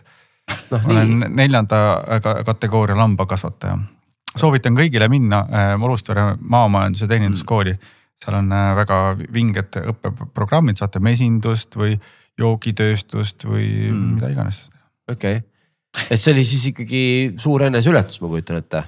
nagu noh, leida ennast sellises keskkonnas. ei, ei, aga nojah, sul tuleb ju kõik ju niimoodi. ei mitte sellepärast, vaid, vaid noh, ikka tore on vaata üle pika aja tundi minna Jaa. õppima midagi ja kehastuda siis selleks õpilaseks ja. ja oli, oli, oli, oli nagu väga palju sain teada lammastest.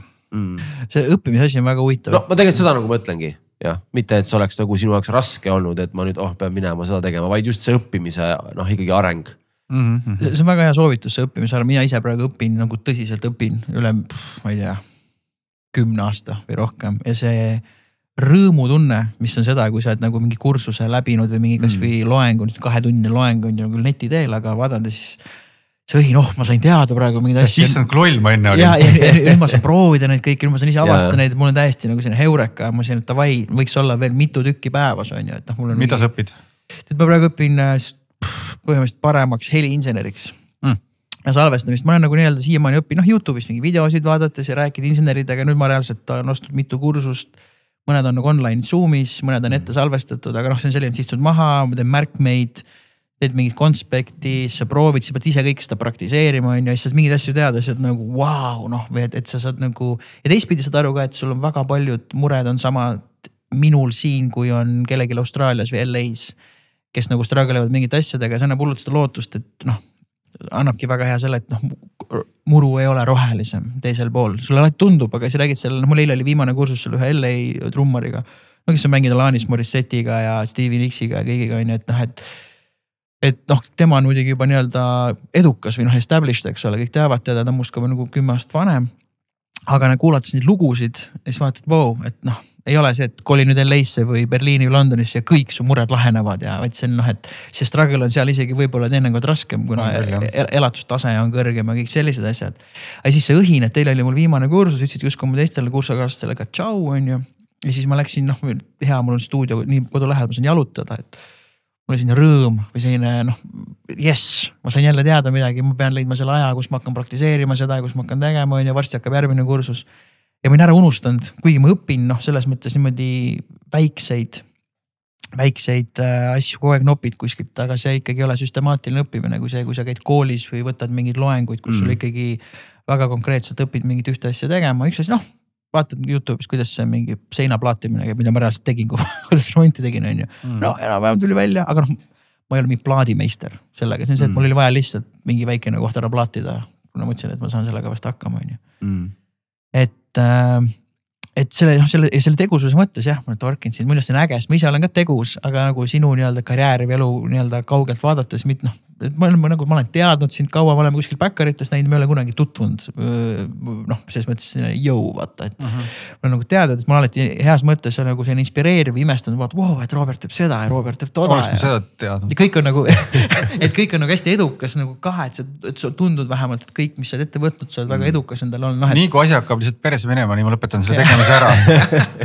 et kui ma näen, et hakkab veetase hakkab juba tõusma vaikselt üle illuminaatori, siis ma ikkagi võtan päästepaadi ja kaon. no just, see on hea insight. aga see on väga hea nõuanne ka, tegelikult väga hea nagu, et kui hakkab ega sa juhuslikult äh, mõne raadio peatoimetaja ei ole olnud ei mm.?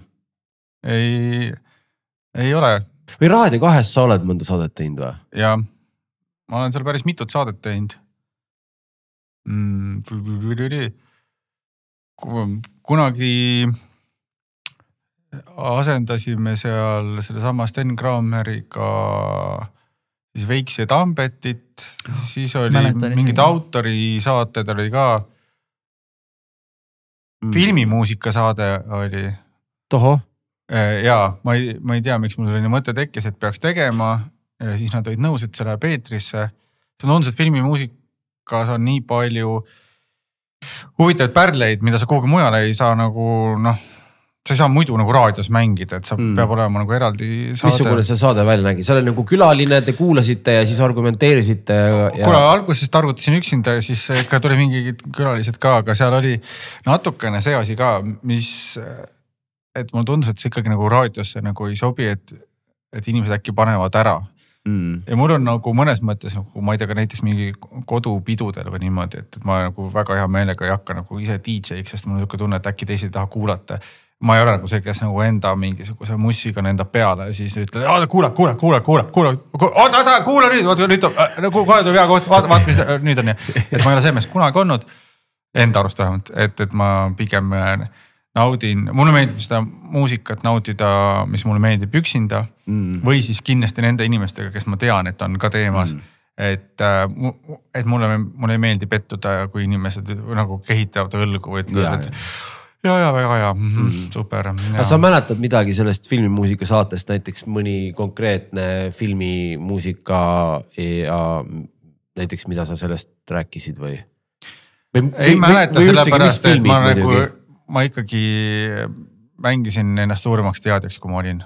et see, see oli, see oli nagu üsna selge. et vaata, seal ongi nagu filmimuusikal kaks asja, et ühed on siis need ähm, asjad, mida üritatakse teha raadiosingliteks uh. filmi noh, ütleme siis on nagu need, mis on nagu original score'id on ju Mm. kus on ikka mingisugused äh, suured heliloojad on äh, Zimmerid ja värgid on nagu kirjutanud mingi skoori, no seda skoori sa ei lase ju eetrisse, et, et siis ma natukene na- nagu jah, et, et ei olnud kõige paremini läbi mõelnud seda. aga mm. tore, et Raadio kaks igasti ampsi eetris laseb. Seda küll jah. ei, Raadio kaks on taevane kingitus. ja see Veiks ja Tambet asi, see pidi küll vist vana olema, kui sa, kui sa veel äh, Steniga tegid see seda. oli ja see oli filtri su- suvine aeg mm.. ja et see, nemad ei olnud kuskil paremas olukorras, kui meie siis laupäeva hommikul helistasid, et kas te saate minna. okei okay,, me siis lähme. Mm. me olime natuke nooremad ja vajasime uneks vähem aega. ja, ja. no siit nüüd edasi minna, siis vist on nüüd radar või? Kui me räägime tele, telesaadetest sinu jaoks mm., eks ole äh,. kui sa võtad lühidalt kokku äh, radari kui äh, ütleme siis vajalikkuse, nagu sa ennem küsisid, et meie podcast'i vajalikkus, ma küsiks vastu, et näiteks see radari vajalikkus ja sa ise seda tegid, et äh, kuidas sa võtaksid selle saate kokku ja mis see radar nagu oli üldsegi, inimesed, kes ei tea sest mina näiteks ei tea, sest mina ei ole telekat vaadanud äh, neliteist, viisteist aastat üldse. Ma tean, et selline saade oli, aga näiteks äh, Killa ütles, kui ma teen radar, ma olin okei okay.. ma tean, et selline saade oli, aga ma ei tea, mis asi see nagu oli. ühe lausega vist võib öelda, et siis mm. vaese mehe pealtnägija. okei okay., uuriv, uuriv, uuriv aeg. Ja, aga no jällegi, et nagu, et kui Marii Karell kutsus, et kas sa tahaksid uurivat ajakirjandust teha, muidugi, come on. ma kohe uurin selle asja välja siin. ja siis, kui päris töö, tööks läks, siis ma olin, et pekki küll nagu, et ähm, millega ma ennast sidusin, et mul puudub igasugune huvi kõige vastu. jah, et äh, aga, aga seal äh, mõned äh, päris sellised vahvad asjad said seal ära tehtud, et, et ma vist esimesel hooajal kohe tegin sellise loo, kus ma olin, olin selle vaata mingi pi- pimeda ruumi mingi värk on, noh, mingi ühesõnaga nä- nädalaks ajaks üksinda maa alla mm.. Mm. ja nädal aega keegi sulle järgi ei tule mitte midagi ja kõik, mis sa tarbid, on seal kohapeal. sul ei ole valgust, sul ei ole mitte midagi Mm. noh söök. keegi pakkus sellist teenust nagu kohe või? ja, ja, ja, ja, ja okei. ma olen ka kuulnud sellest väga sinna tahaks tagasi minna praegu mm. Äh, ja kohe põhjendan, miks. sellepärast, et äh, noh, me panime sinna infrapunokaamera sinna sisse, sest meil oli telesaadet vaja sellest toota. ja kaamera oli nurgas. ja noh, ma ei näinud seda kaamerat või noh, selles mõttes, et ta ju. aa, sina tegid eksperimenti? mina olin seal nagu ma mm. ja põhimõtteliselt kolm esimest äh, ööpäeva ma ainult magasin. et, et ma absoluutselt ei tajunud kui väsinud ma olen ja ma arvan, et see tegelikult käib meie kõigi kohta, absoluutselt mm. mm. igaühe kohta. Et me, me nagu elame kogu aeg mingis unepuuduses, näpistame mingite mõttetuste jaoks nagu unetunde. ja me oleme tegelikult nagu rampväsinud, sellepärast nagu ka ma arvan, et mingisugused noh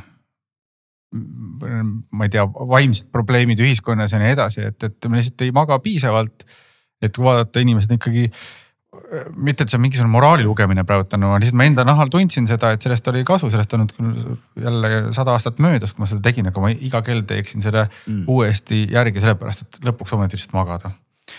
et ja kõige hullem on see, et teeks siis midagi asjalikku, noh oma ärkveloleku ajaga ei lihtsalt tegele olme ju küsimustega on ju, et, et ikka nagu püüad kuidagi noh noh, sa ei mm. jõua isegi mingi sõpradega kohtuda või ei jõua mitte ajaliselt, vaid ei jaksa mm.. ja tegelikult oled nagu väsinud, ei jaksa midagi teha, siis kogu see olek, üleoleku aeg läheb sihuke nagu vegeteerimise peale.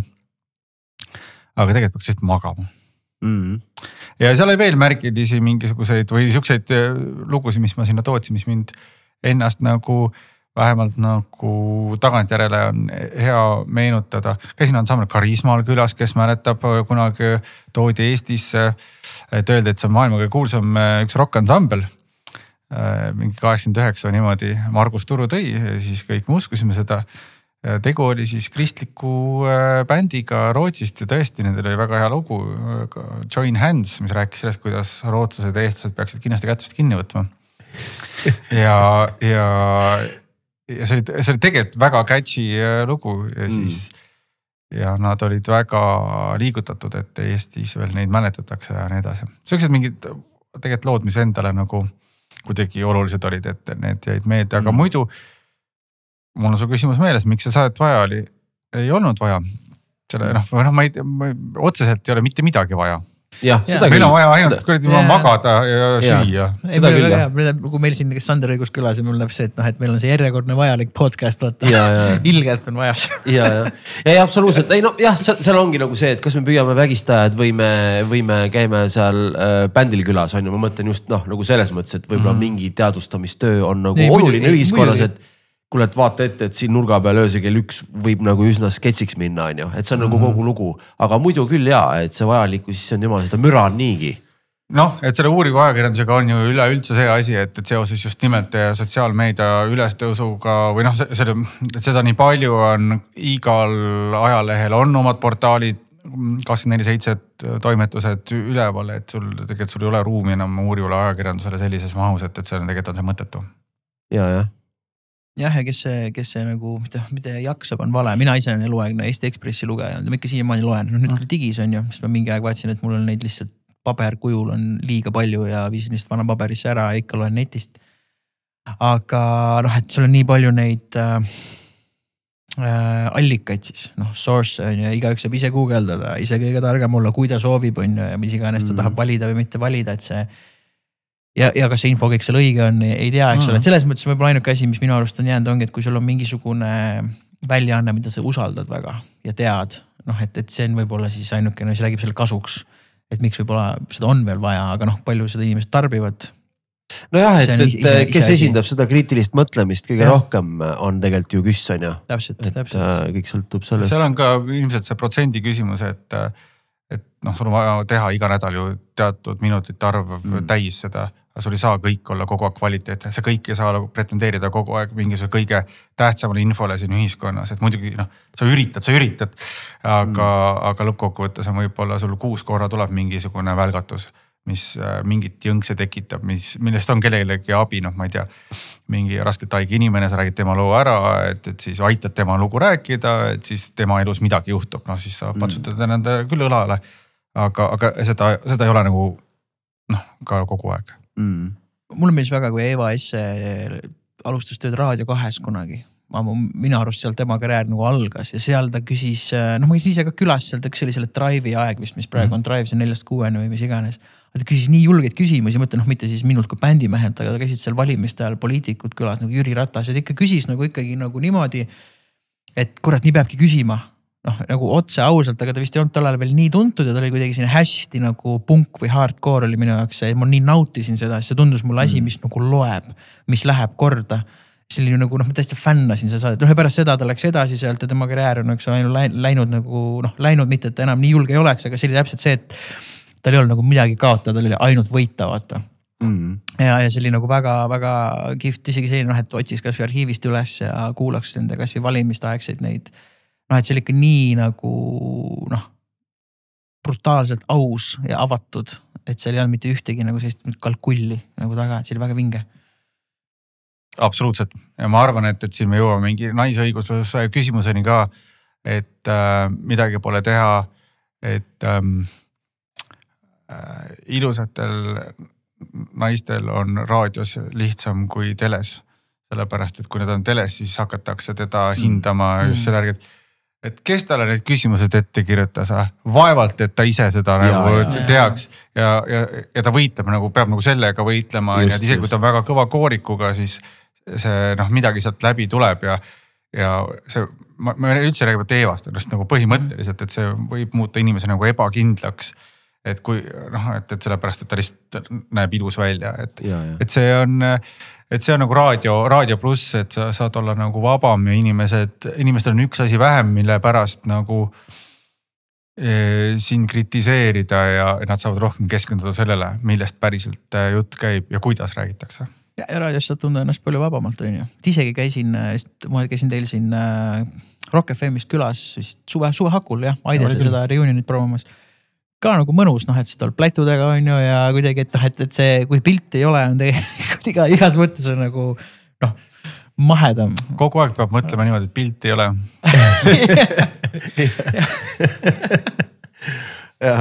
kaua sa Rock FM-is olnud oled nüüd? mul sai kolm aastat täis. Äh, üheksandal äh, septembril ja midagi pole öelda. minu sünnipäeval. palju õnne et äh, ei ole ikkagi noh, tähendab siiamaani ikkagi üliraske on see, mitte hommikune ärkamine, ma tõusen kohe no, üles on ju, et mm. aga mis kell sa ärkad, et minna Rock FM-i? viis nelikümmend seitse ja kolmeteist minuti pärast ma olen väljas, enne seda ma olen peldikus olnud, ära pesnud, koeraga väljas käinud, söögi kaasa teinud. et ta on ikkagi noh, niisugune sõjaväeline nagu distsipliin ja drill on nagu sees mm.. ja Aga... saade algab kuus kolmkümmend. no meil nagu kuuest tuleb seal, tegelikult me eelmise päeva mingit kordusi laseme, aga ärme okay, seda kellelegi okay. ütle, on ju. ja siis äh, seitsmest me oleme nagu noh, ma olen, tegelikult ma olen mingi kuus, kuus kakskümmend olen seal kohal ja hakkan nagu lappama mingeid lehti läbi ja nii edasi. et ähm, kerge see töö ei ole, mul tuleb meelde mingisugused intervjuud kunagiste mingi elektratega ja värkidega ja, ja, ja, ja sellel Marko, noh, Ringvaate, Marko mm,. Reikop. ja Marko Reikopil oli üldse insomnia ju mingi mitu aastat ta ei maganudki silmatäidki, et, et ma saan aru, kust see tuleb. et see, see, see on hästi äge töö absoluutselt parim töö, mis mul olla saab. aga see hommikune värk on ikka rets. Sisuliselt ma, ma olen seda nii nagu mõelnud, et, et ma annan iga hommiku kolmetunnise improvisskontserti noh mm. -hmm. et, et, et ma täpselt nii tühi nagu olen, kui pärast laivi, aga see on iga hommik niimoodi, iga hommik mm., iga hommik. see on, see on nauditav mm., see on nauditav, aga iga hommik jälle siis tuled sealt ära, sa oled nagu mingi zombi onu. ja siis sa pead olema, sellepärast küsin su käest, kas on okei okay tulla nagu siia mingi lõuna ajal vaata, et kui mm., kui, kui tühjaks sa pigistatud äh, oled seal. ma ei lasknud pausi sisse, ma panin järjest nagu tsüklis praegu ei, aga väga äge, selles mõttes, et minul on hästi raadiosse tulek näiteks noh, et tuled, paned klapid pähe siis oh, tšeki seda ajalehte vaata, vaat seda, et te olete ise nii heas flow's on ju ja siis oled siin wow, okei okay. ja siis sellist noh, ei teki mul endal vähemalt, vahet pole, kas käid teie juures ja mujal sellist nagu vabadust nagu siin on või kuidagi siin noh, kuna siin ei ole seda aja, ajamomenti on ju mm. -hmm. ja siis teinekord käid ja alati mõtled, et issand, mis iba ma ajasin ja ma üldse ei rääkinud asjast ja vastasin küsimustele kolm minutit, vaata kõik oleks öelnud, jee, väga äge, mulle hullult meeldib see. aga oled lihtsalt nagu mingi, aga siis ma käisin seal ja siis juhtus see ja siis mõtled, millest ma räägin. et mul selline nali oli äh,, vist vaheteema korraks, kui äh, miljardid käisid Anu saates. Karl Sirelpuu äh, aitas neid äh, promoda on ju ja siis neil oli mingi tuur tule, jah see oligi see miljardite tuur siin paar aastat tagasi. ja siis nad läksid kuidagi nii lappesse seal, et äh, Karl saatis vist Raul Ojamaale sõnumi, et äh, thanks, et siis kontserdist ka rääkisid midagi. eks nad kõigest muust kui sellest tuurist rääkinud ja ainuke põhjus, miks nad sinna läksid, oli, et rääkida sellest tuurist. ja mingist uuest see loost. salvestatud oli välja lõigatud? ei, Raul oli vist, aa jaa, mul läkski meelest ära midagi, ei no mitte pahaga, aga noh, ongi, et sa lähed nagu, sul küsitakse mingi küsimus, mina lähen ise samamoodi, ma lähen lihtsalt overdrive'i, ma hakkan lihtsalt, mul on üks lugu. Sellega ühendub järgmine lugu, millega ühendub kolmas lugu ja kui sul piisavalt kaua lased mul rääkida, siis need kõik kolm lugu saavad ka kokku nagu mingis võib-olla sellises okeis Tarantino filmis on ju. aga, aga nagu kuigi Tarantino ei tee okei filme, vaid väga häid filme, aga noh, selles mõttes, et see lõpuks see timeline nagu jõuab kuhugi, aga selleks noh me peame natuke aega veetma koos.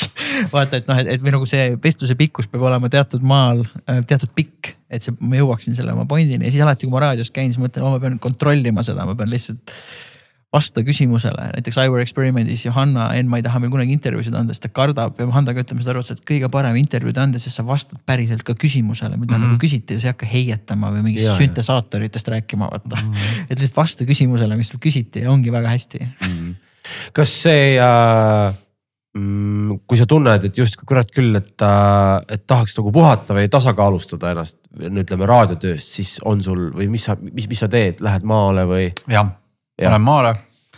mul on ähm, üksteist aastat tagasi ostsime äh, abikaasaga maakodu ja nüüd on, oleme jõudnud sinna punkti.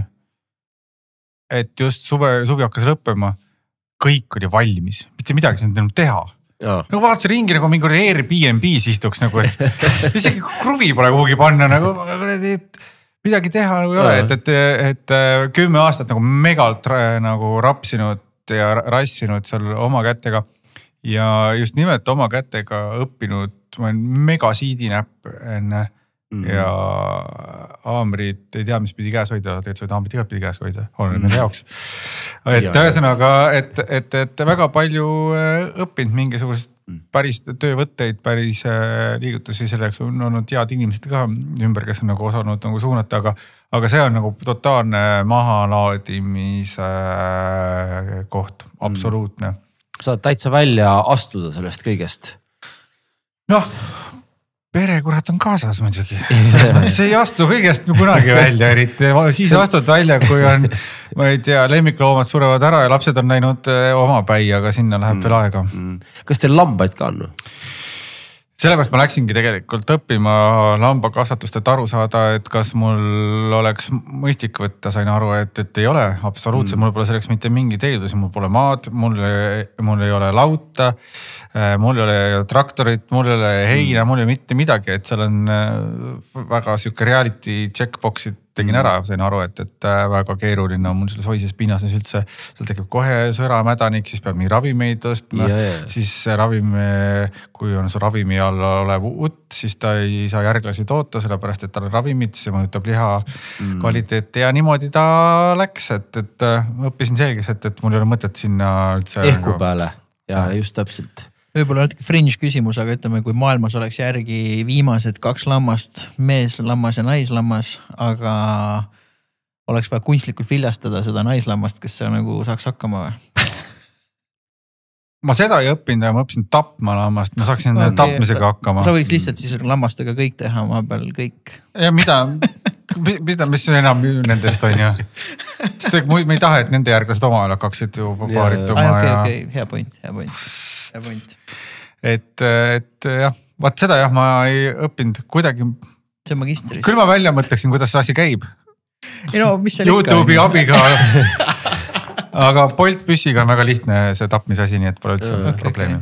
Ja, see on siis see, mis on seal No Country for Old Men seal filmis, see on see, mis on jah, mingi rõhk, rõhk. Ja see on rets, see on rets aparaat, ta näeb välja nii süütu. Ja, Ja, ja, ja, ja. see, kui kiiresti ta käib ikkagi seal ajus ära mingi sihuke neli sentimeetrit äh, siis äh, rõhu all olevat mingisugust metalltükki. ja lammas kaotab nagu samal hetkel, no see ei ole isegi nagu sekund, see on nagu mingi null koma null null null null üks sekund. teadvuse, tema närvid lõpevad töö, töötamise ja siis ta sul seal jalge vahel leiab oma otsa, natukene ootad, kuni seda postmortem tõmblust on veel natukene ja rigor mortis ja siis, ja siis tõmbad tal kaelast, kaela siis ähm, noa läbi, aga mitte niimoodi, et sa ei tohi söögitoru, ei tohi tal katki lõigata, muidu magu valgub laiali. ja siis äh, mõjutab ka liha kvaliteeti ja nii ta läheb mm.. tegelikult väga hea, väga hea oskus nagu üldse osata.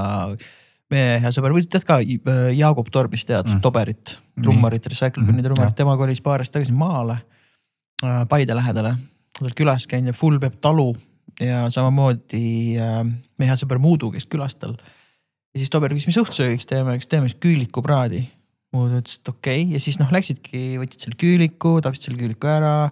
koos siis nülgisid ära, panid ahju ja muud ütles noh, et nagu, nagu restorani toit noh, või noh, et kõige reitsim, aga et nad tegid selle kõik ise. noh, nagu alates sellest, et sul on loom, sa justkui nagu noh, siis nii-öelda hellalt. saad temaga sõbraks, kõik need äh. asjad, emotsionaalsed mälestused ja siis lööd ta maha. ja siis maitsestad ja, ja. on õhtusega, aga noh, et ütles, et muud ütles, et tundus kõige loogilisem asi üldse mm., mida nagu ja. teha.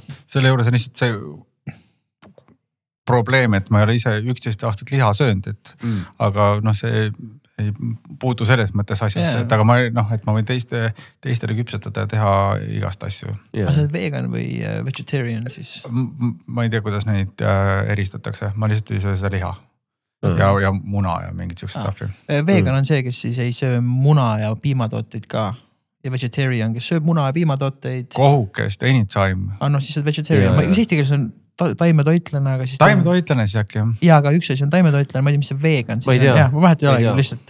No kohuk, ma... kohuke forever ja no siis ei. no mingit lõhet ja sihukest asja ikka sa oled vastu või? ja need ja. merielukad sellepärast, et. siis sa oled veel mingi something something terrian Kurt Cobain laulis it's okay to eat fish because they don't have any feelings yeah. something in the way. tema muidugi jällegi äh, pani sinna enda mõttes äh, need jutumärgid mm., et, et mõni, mõnitada neid äh, inimesi, kes ütlevad, et kuule, kala võib ikka süüa, nendel ei ole ju tundeid just, just. me tegime siin korraks hästi vahepausi äh,. mul on Killale vabanduse võlgu, meil kunagi siin ammu-ammu podcast'is oli jutt, mis on Nevermindi viimane lugu ja mina ütlesin Polly on, aga Killa ütles, et on Something in the way oli ikka viimane lugu. ja vaatasin järgi ja ongi Something in the way on ikkagi viimane lugu, sorry mees, sorry mees, Polly oli, Polly oli vist Äh, kasseti peal A-poole viimane, ma võin ka praegu mäsa panna, aga ma kuidagi mäletan, et ta oli kuskil nagu lõpus. Something on the Way'd oli äh, kasutatud päris lahedalt viimases Batman'is ära,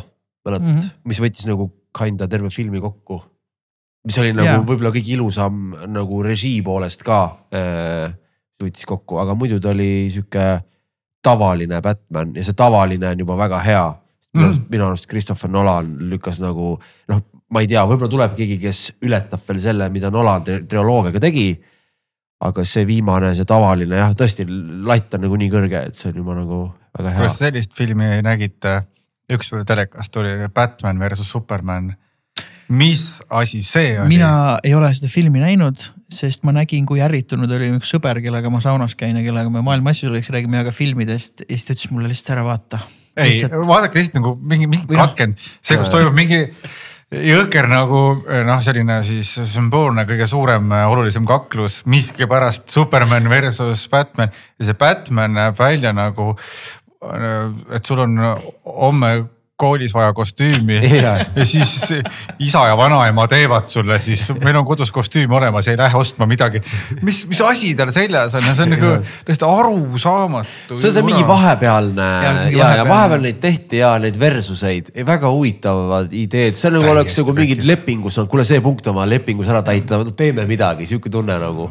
see tundub selline film, mis ma vaatan ära lennukis, kui mingi jabur mitu noh, kümme tundi midagi lendi, midagi ei ole teha enam ja magama ei saa jääda ja aju on juba kärssanud anyway. isegi seda ei ole lennukis, isegi seda, isegi seda filmi ei ole lennukis, no ma ei tea, oleneb võib-olla airline'ist. Aga... ühe korraks peaaegu vaatama, aga siis ma jäin magama no., on, on, on. okei okay.. vähemalt oli, see on enam ei ole uus ja, film, aga see oli mõned, mõned aastad tagasi. kas me võime natuke spordist rääkida? palun. korvpallist näiteks. no mis sa tahad teada? Äh, ma nägin viimane kord äh, venda sul Kalevi sellel järelhängil, mis ta oli seal. ja siis ta mainis, et, et, et, et, et te pidite minema, no ilmselt siis läksite praeguseks hetkeks juba ilmselt olete käinud kuskil teles rääkimas viimasest filmist, mis nüüd välja tuli, Kalev spordi korv, mhm. korvpallifilm. ja siis ma lugesin seda ja siis äh, ühesõnaga see legendaarne karikas, mis katki läks, et ühesõnaga sa said selle killu. sa rääkisid, et sa said selle killu. Mis on kuidagi, ma just mõtlen, et.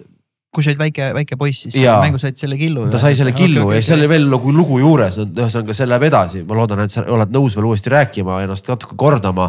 aga ma mõtlen seda, et et see võib olla üks väga huvitav, et see on nagu täisring, et tegelikult nüüd seesama lugu korjati üles, tehti sellest nagu film ja sul on see kild. No see oleks umbes seesama, et mingi, ma ei tea, aasta üheksakümmend kaheksa mingisugune Pulsi ja mingi Indiana Pacersi mäng ja mingi asi läheb katki ja ma saan sealt mingi reliikvia kaasa ja siis tehakse uus film või dokumentaal ja see on nagu alles, et vaata, see on nagu sihuke emotsionaalne nagu tähendus. kas, kas sul üldse on mingisugust sellist tähendust, oh päris lahe, vaata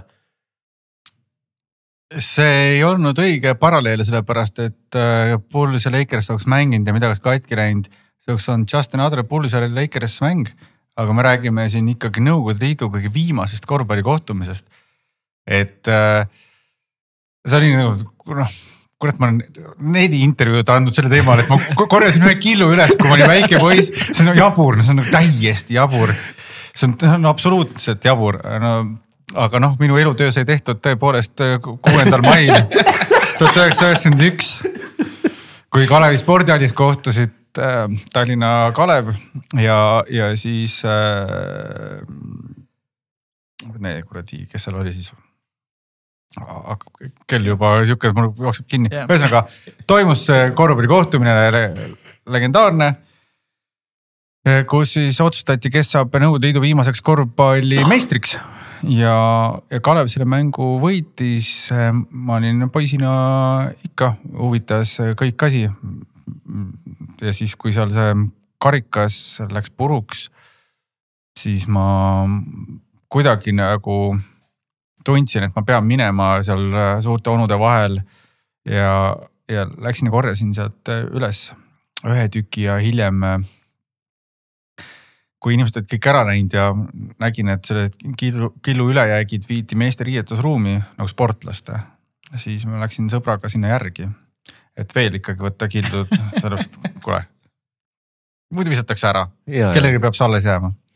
et äh, ilmselt ma ikkagi tajusin, et, et milline nagu oluline roll sellel karikal on ime, et ma tatina nagu sellest ainsana aru sain, et need äh, suured mehed nagu üldse ei pidanud nagu vajalikuks endale ja. võtta, et.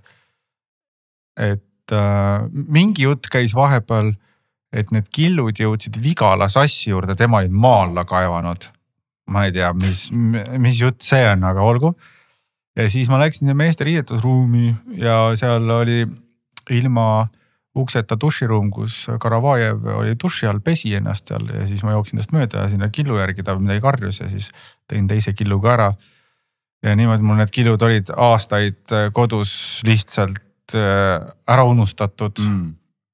Kogu ühiskonna poolt, kui mina ei tea, kus see järsku tekkis, noh, selles mõttes, et, et, et mingid inimesed ikka teadsid, et mul need killud on ja siis see jutt jõudis kuidagi äh, spordimuuseumisse Tartus olümpia spordimuuseumisse, kes siis ühe killu võttis enda juurde hoiule eksponeerimiseks.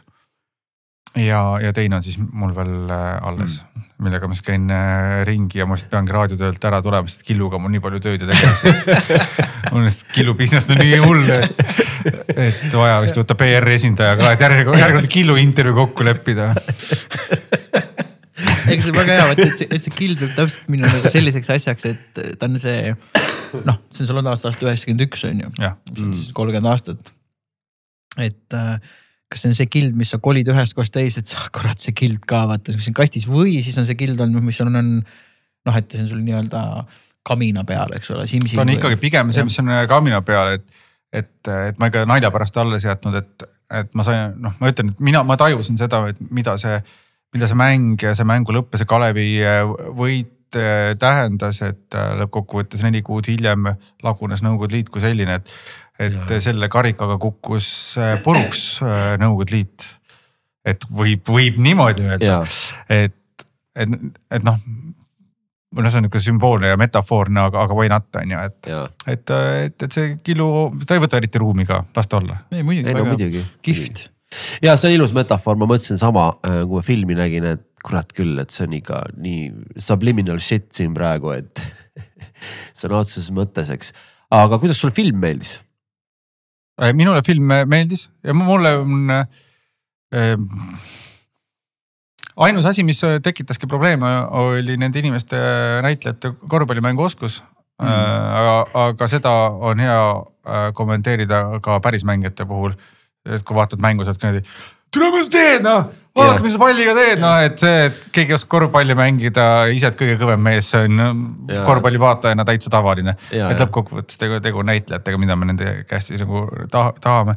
aga film oli väga hästi üles ehitatud, stsenaariumiga väga palju tööd tehtud, väga meeldisid äh, igasugused inimesed, kes seal kõrval olid, kelle noh, et, et tähelepanu oli jaotatud või, või võrdseid osasid antud väga sellistele tegelastele, kelle peale ise võib-olla ei oleks ja. osanud nagu tulla, nagu mis seal olid need kaks ajakirjanikku. Äh, Kuusmaa abikaasa. Äh, see massöör, eks ole. Äh, jah, massöör, eks ole et need, et, et mulle meeldis, kelle, et, et see, see ei olnud nagu ainult mingi ühe mehe story, et noh.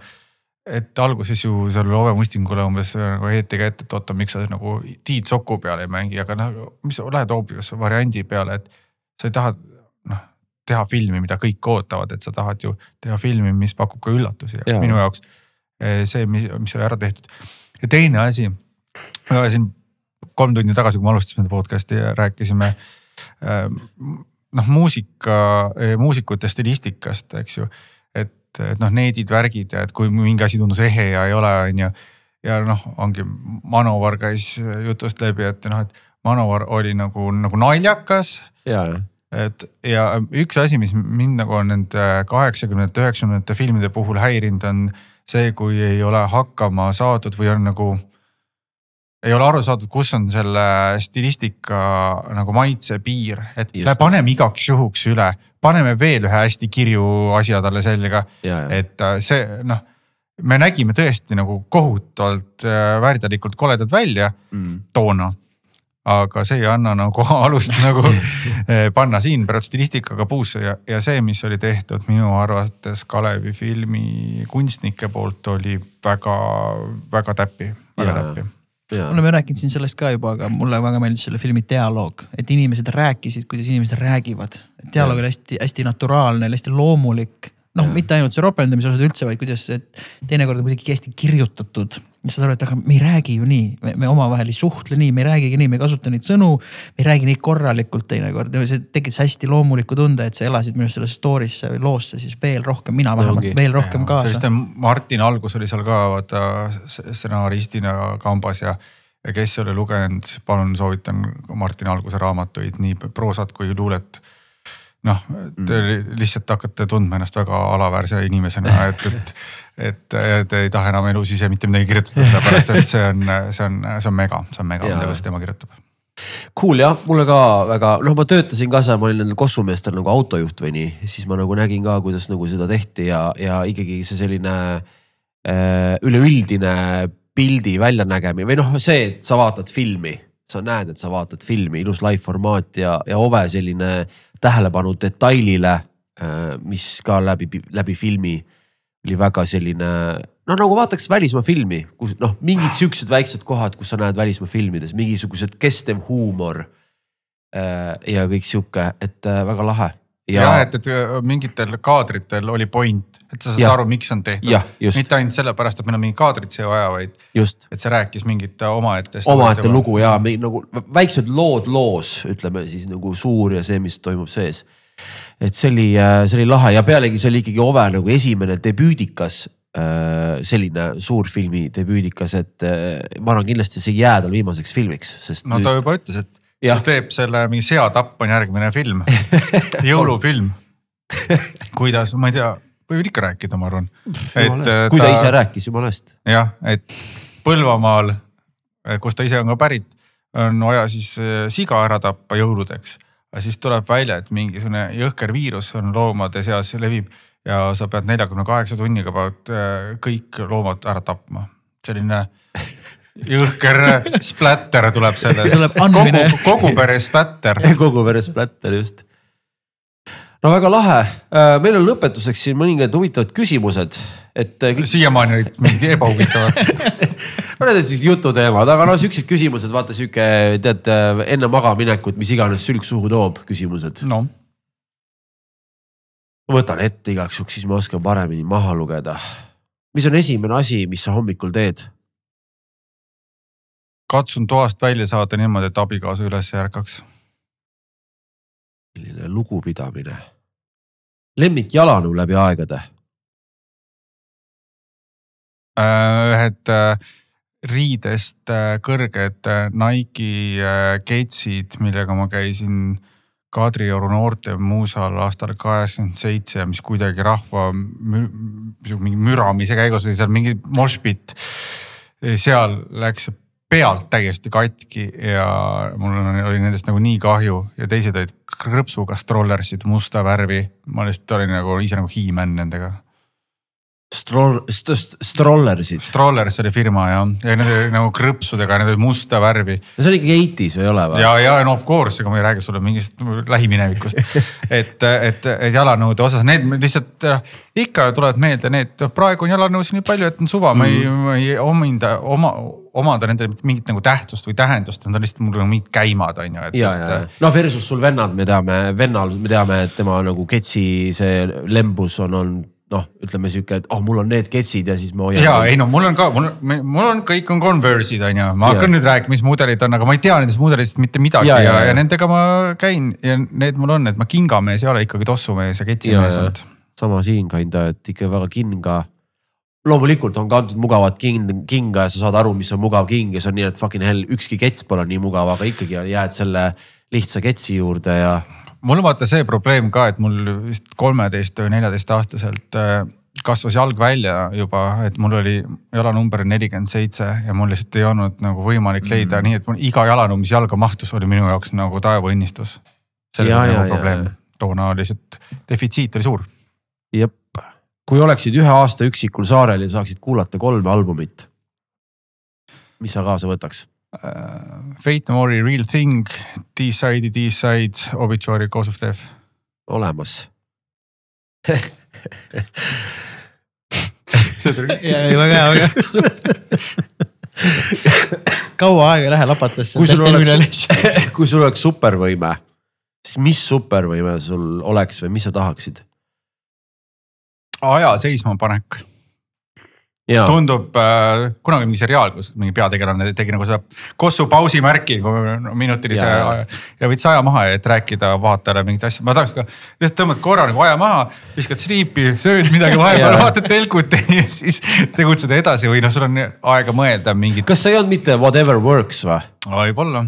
selle filmi nimi? võib-olla, ma ei mäleta. et äh, see teinekord tuleb, tuleb siis ka, kui sa noh aeg-ajalt ikka vaata nagu igal inimesel on nagu tekib mingi, mingi peretüli või mingi asi, noh mingi tühjast tähjast tuleb.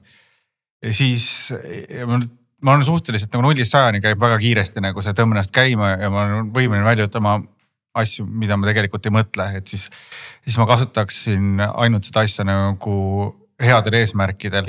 et ära hoida mingeid täiesti mõttetuid pahandusi et ma ei paneks aega seisma, ei läheks nagu panka raha röövima, et kui kellelgi on võime, võimalik see võime mulle anda, siis ma ja, võtaks vastu.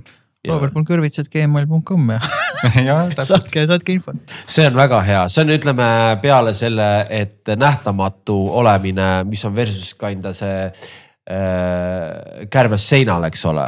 noh, et, mhm. et vali üks ruum, kus kus sa tahaksid seinal olla, see kärbes nii-öelda, noh näiteks praegusel hetkel hea meelega oleks kärbes seinal, ma ei kujuta ette kus on, ütleme Putin, et mida ta tegelikult mõtleb, on ju, või noh, mis iganes, eks.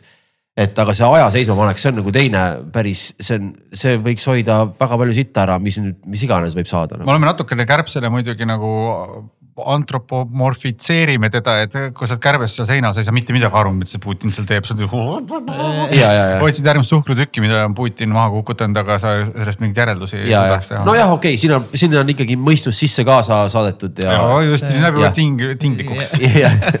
tinglikuks. just äh,, mina alustan, sina lõpetad, ma alati ärkan, liiga vara. Selles osas on sul küll vist õigus, see, mis sa rääkisid äh,. tagumik või rinnad, tagumik, külm või kuum, kuum, pelmeenid või friikad,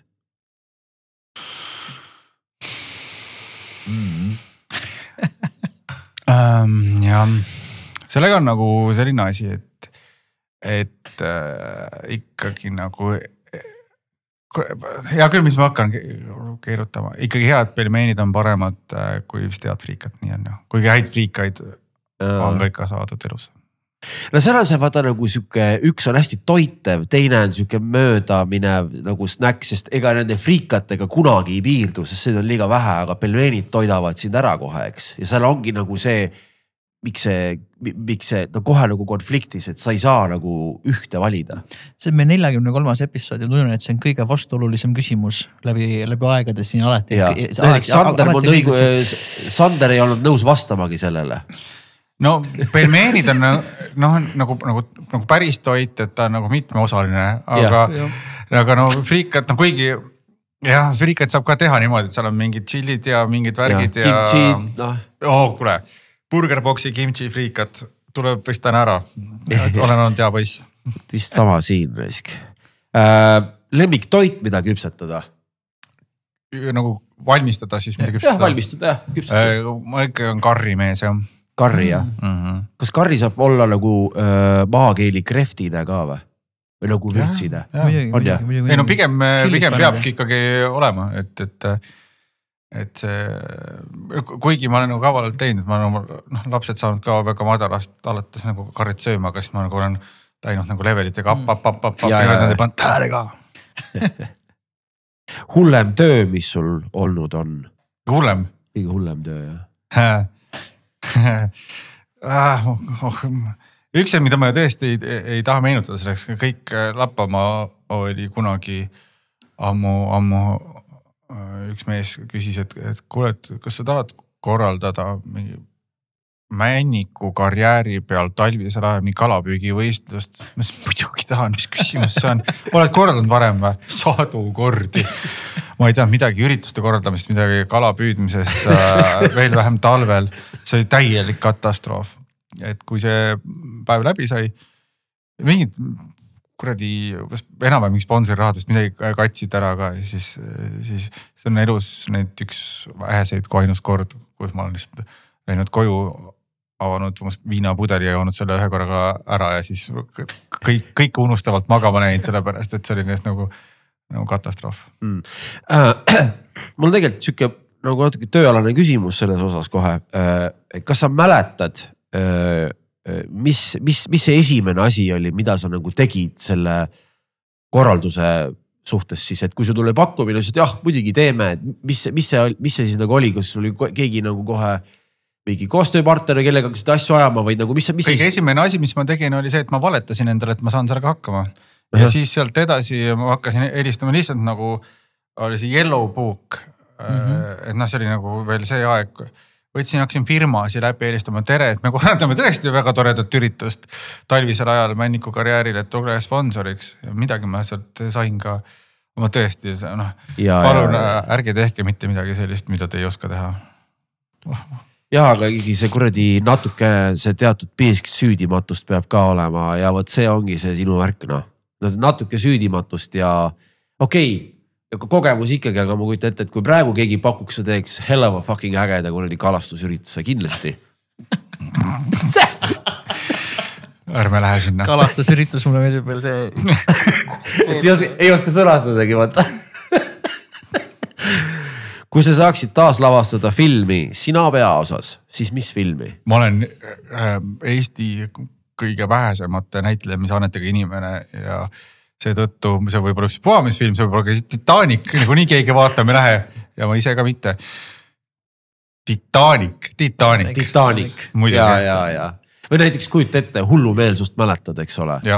nii ja Panso mm. -hmm. oli seal äh, arst mm. -hmm. no kujuta ette, et sa oleks arst näiteks Mm, sinu sparringpartner on siis Kiisk on ju. jah äh,, ma võtaksin see Kate Winsleti noore Kate ja Winsleti. seda küll.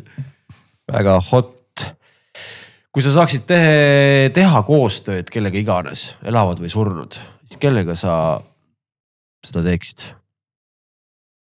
ma ei teagi isegi, ma ei oska öelda, mis valdkonnas või, või mida, et mul ei ole nagu väga seda suurt, seda surnud inimeste nagu mingit kultuse värki, et. või et kui ma saaks temaga kohtuda, et ja. ma arvan, et me kõik oleme nii elavad kui surnud sama, sama toredad ja samal ajal ka sama väärtjad, et. et äh, ma, ma ei tunne surnutest selles mõttes nagu puudust, ma arvan, et elavatega me saame väga hästi hakkama mm.. mis, mis, mis koostööd, ma ei oska ma ei tea, ma tõesti, mul ei ole mingit koostööd vaja kellegagi. ja, jah, ei kõik väga loogiline, see ongi nagu huvitav tegelikult, et, et üks asi on see kultus. et äh, see on umbes veits sama, ma olen mõelnud, et okei okay,, et äh, kui sa näeksid nüüd siinsamas koridori peal, lähme välja ja ma ei tea, tulebki Jonathan Davis vastu, et mis sa ta käest küsiksid. ma ei oskaks ta käest mitte midagi küsida, ilmselt on see, et ah, palun näed, tualett on siin või teeks talle teed, ongi kõik. kuidas sa sisse said? Kui... sa oled eestlane, sa pead hakkama pahandama. Kuidas võimalik on? No trespassing, Jonathan. jah, ei noh, saad aru, et sa täpselt seesama ei, ka ei oskaks midagi küsida, siuksed asjad, siuksed asjad juhtuvad ainult siis, et ma ei tea, õhtul ka, satume KPK-sse suitsu tegema, võib-olla kämame ja see ongi kõige lahedam enam asi, mis juhtuda sai, versus see, et no mida türa sa nüüd siis nii väga küsid nagu noh et.... kõige parem intervjuu, mille ma olen teinud, oli sellesama äh, Filtri saates ja millest siin alguses juttu oli ja see oli Mel C Spice Girlsist. ja, ja, ja ta tuli Eestisse, ta andis soolokontserti ja ma olin nagu noh, täpselt äh, noh, enda arust nagu nii kõva mees on ju, et ma öeldi, et, et tahad intervjuud. davai, ma sõitsime sinna kohale, operaator oli roolis, ma tagapingil, ma mäletan, mul oli veel selline äh, lambanahkne dubljonka oli seljas, vanaisa selline nagu eriti kuradi ma, e, e, kuradi ma Acid House'i kuradi särk oli seljas. ja siis sõitsin sinna, istusin maha, see oli hotellis kolm õde ja, ja. see on vanalinnas. ja, ja no see on väike butiikhotell ja mõistagi staar pandi sinna, väga nunnu ja siis ma istusin maha ja ma ütlesin talle esimesena, et noh, et ma olen Robert, ta ütles oh nice to meet you man, nagu on nagu see, kuidas no, välismaalased seda small talk'i alguses oskavad teha. ma olen püüdnud nüüd seda selgeks õppida, aga see on kõik väga keeruline. ja siis ma ütlesin talle, et, et tead, et mul ei ole sulle mitte ühtegi küsimust, sest et sa artistina ei huvita mind absoluutselt. ja siis ta ütles oh kui tore.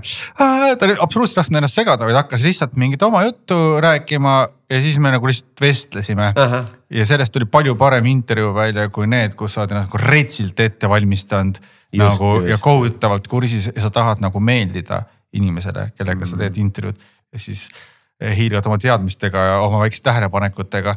aga, aga see kuidagi lahenes niimoodi, et mina mõtlesin, et ma saan sealt selle asja kätte, et Mercy ütleb, et go fuck yourself kuradi naga on ju -huh. ja ma saan selle kaamerasse, ma tulen sealt ära, olen lihtsalt nagu kõige kõvem mees ja kogu kuradi ma metalliskeene austab ja see kunagi läheb, leiutatakse asi nagu internetis, läheb sinna üles ja kõik on hästi õnnelikud. aga ei, sellest tuli hoopis väga südamlik äh, vestlus, väga tore oli kui palju selliseid intervjuusid üldse sul meenub, ma mõtlen, et artiste ju käis omajagu, et ikka seda tuli ette, et läksite intekat tegema või? vist küll jah, aga mul, ma ütlen, et ma ei ole üldse hea intervjueerija nagu päris, päris tõsiselt, et ma ei viitsi ette valmistada ennast. Äh, ma mõtlen, et noh, et, et noh, midagi ju tean. Ja, ja siis tulebki sihuke nagu pool kõva, pool toores asi sellest ja. välja, et mulle väga meeldib vaadata ja kuulata häid intervjueerijaid ja ma just mõtlesin, et selles elus ma ei viitsi selleks saada, et vaatan kunagi hiljem. absoluutselt Mikk hakkab magama jääma? ei hakka. aa, väga tore. ei hakka, ei hakka, ei hakka äh,. mina alustan, sina lõpetad. ükskord töö juures.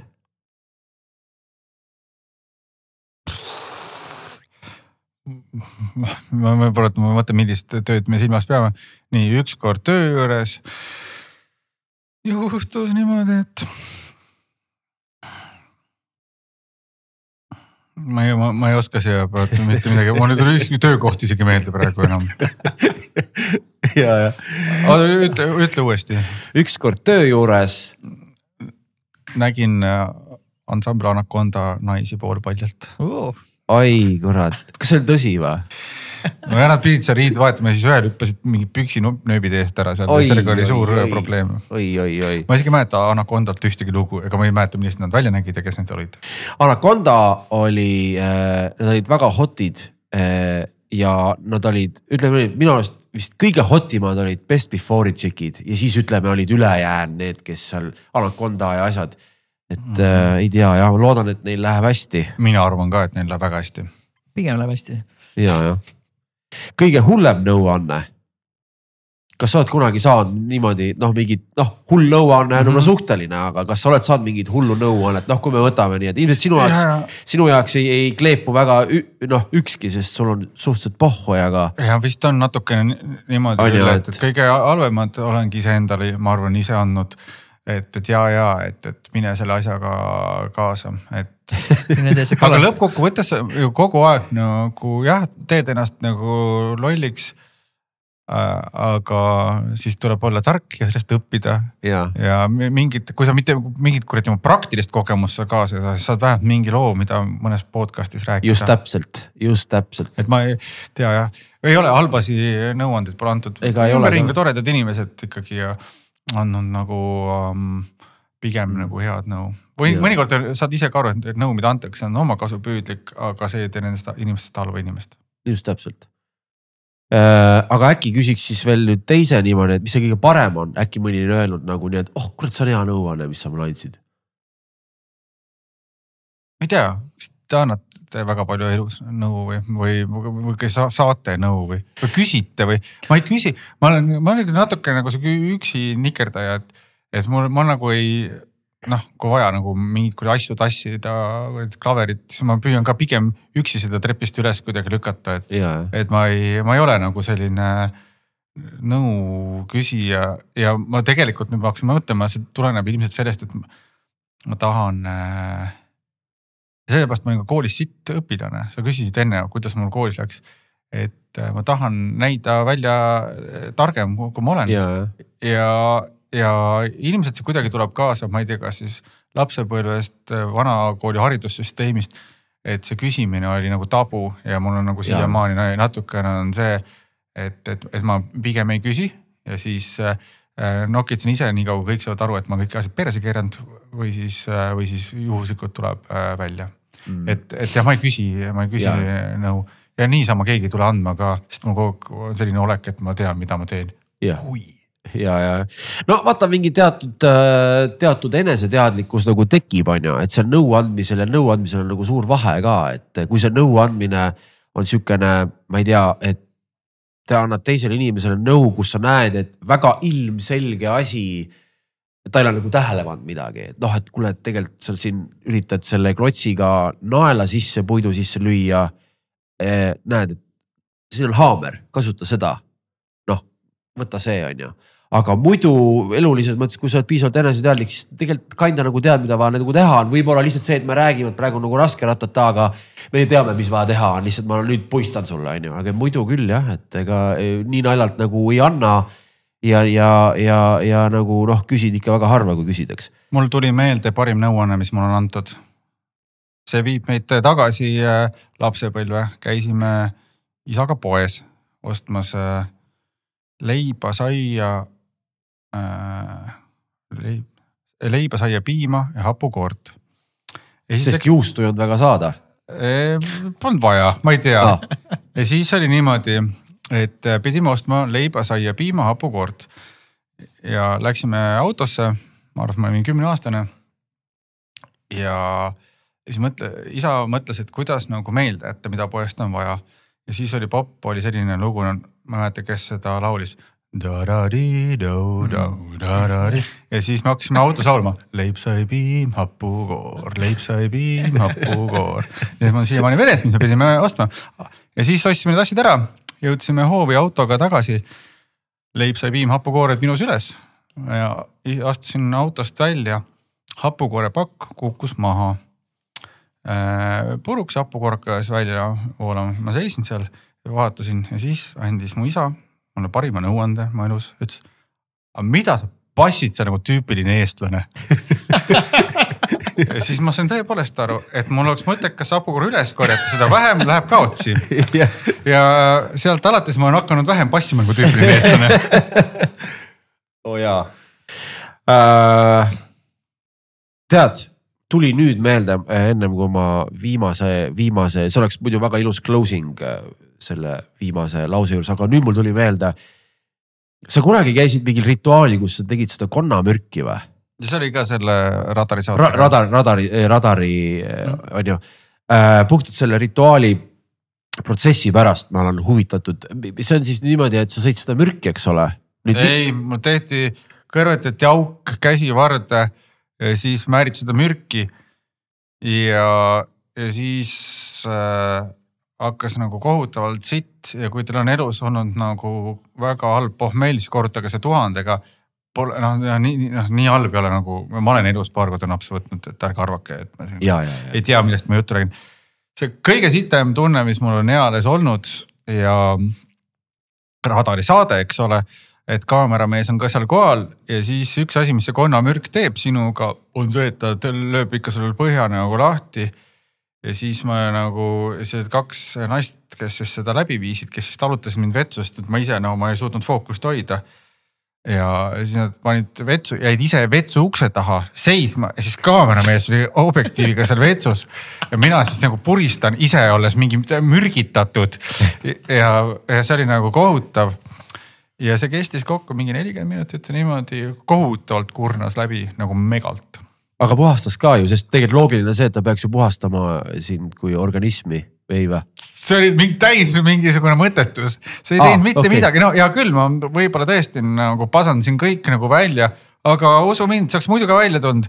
mingit vaimset virgumist nagu null. ja, ja ma just mõtlengi, et nagu kas see. hauks mis... täiesti minu jaoks okay, vähemalt okay,. et äh, noh need naised, naised lõid seal mingit trummi ja laulsid ka väga ilusasti mingeid šamaani laule, aga no come on, ühe mingi asja nimel ei pea nii palju ka inimene piinlema. et uh, hulluks ei tasu ka minna. ei no ainult siis, kui on nagu vaimne sirgumine seal taga, ma just sellepärast küsisin, et ega ma pole teinud. ei, mõttetu. ja, ja no selge, kurat, sorry oleks teadnud, poleks küsinud. ei, ei, väga hea, et äkki mõni tahtis minna, ei, kui, kui teil on niimoodi, et teil pole elus kunagi väga sitt olnud, siis knock yourself out nagu sõna otseses mõttes minu nimi on Robert ja ma olen. Äh, siin mm,. super, see on kõige parem vastus ja see on esimene sihuke vastus. Äh, kõik hakkavad alati ütlema, mis nende töö on. aa, ei, ma olen siin jah aitäh, et sa tulid, Robert. Thanks mees. nukid, nukid. tõmmaki. aitäh kutsumast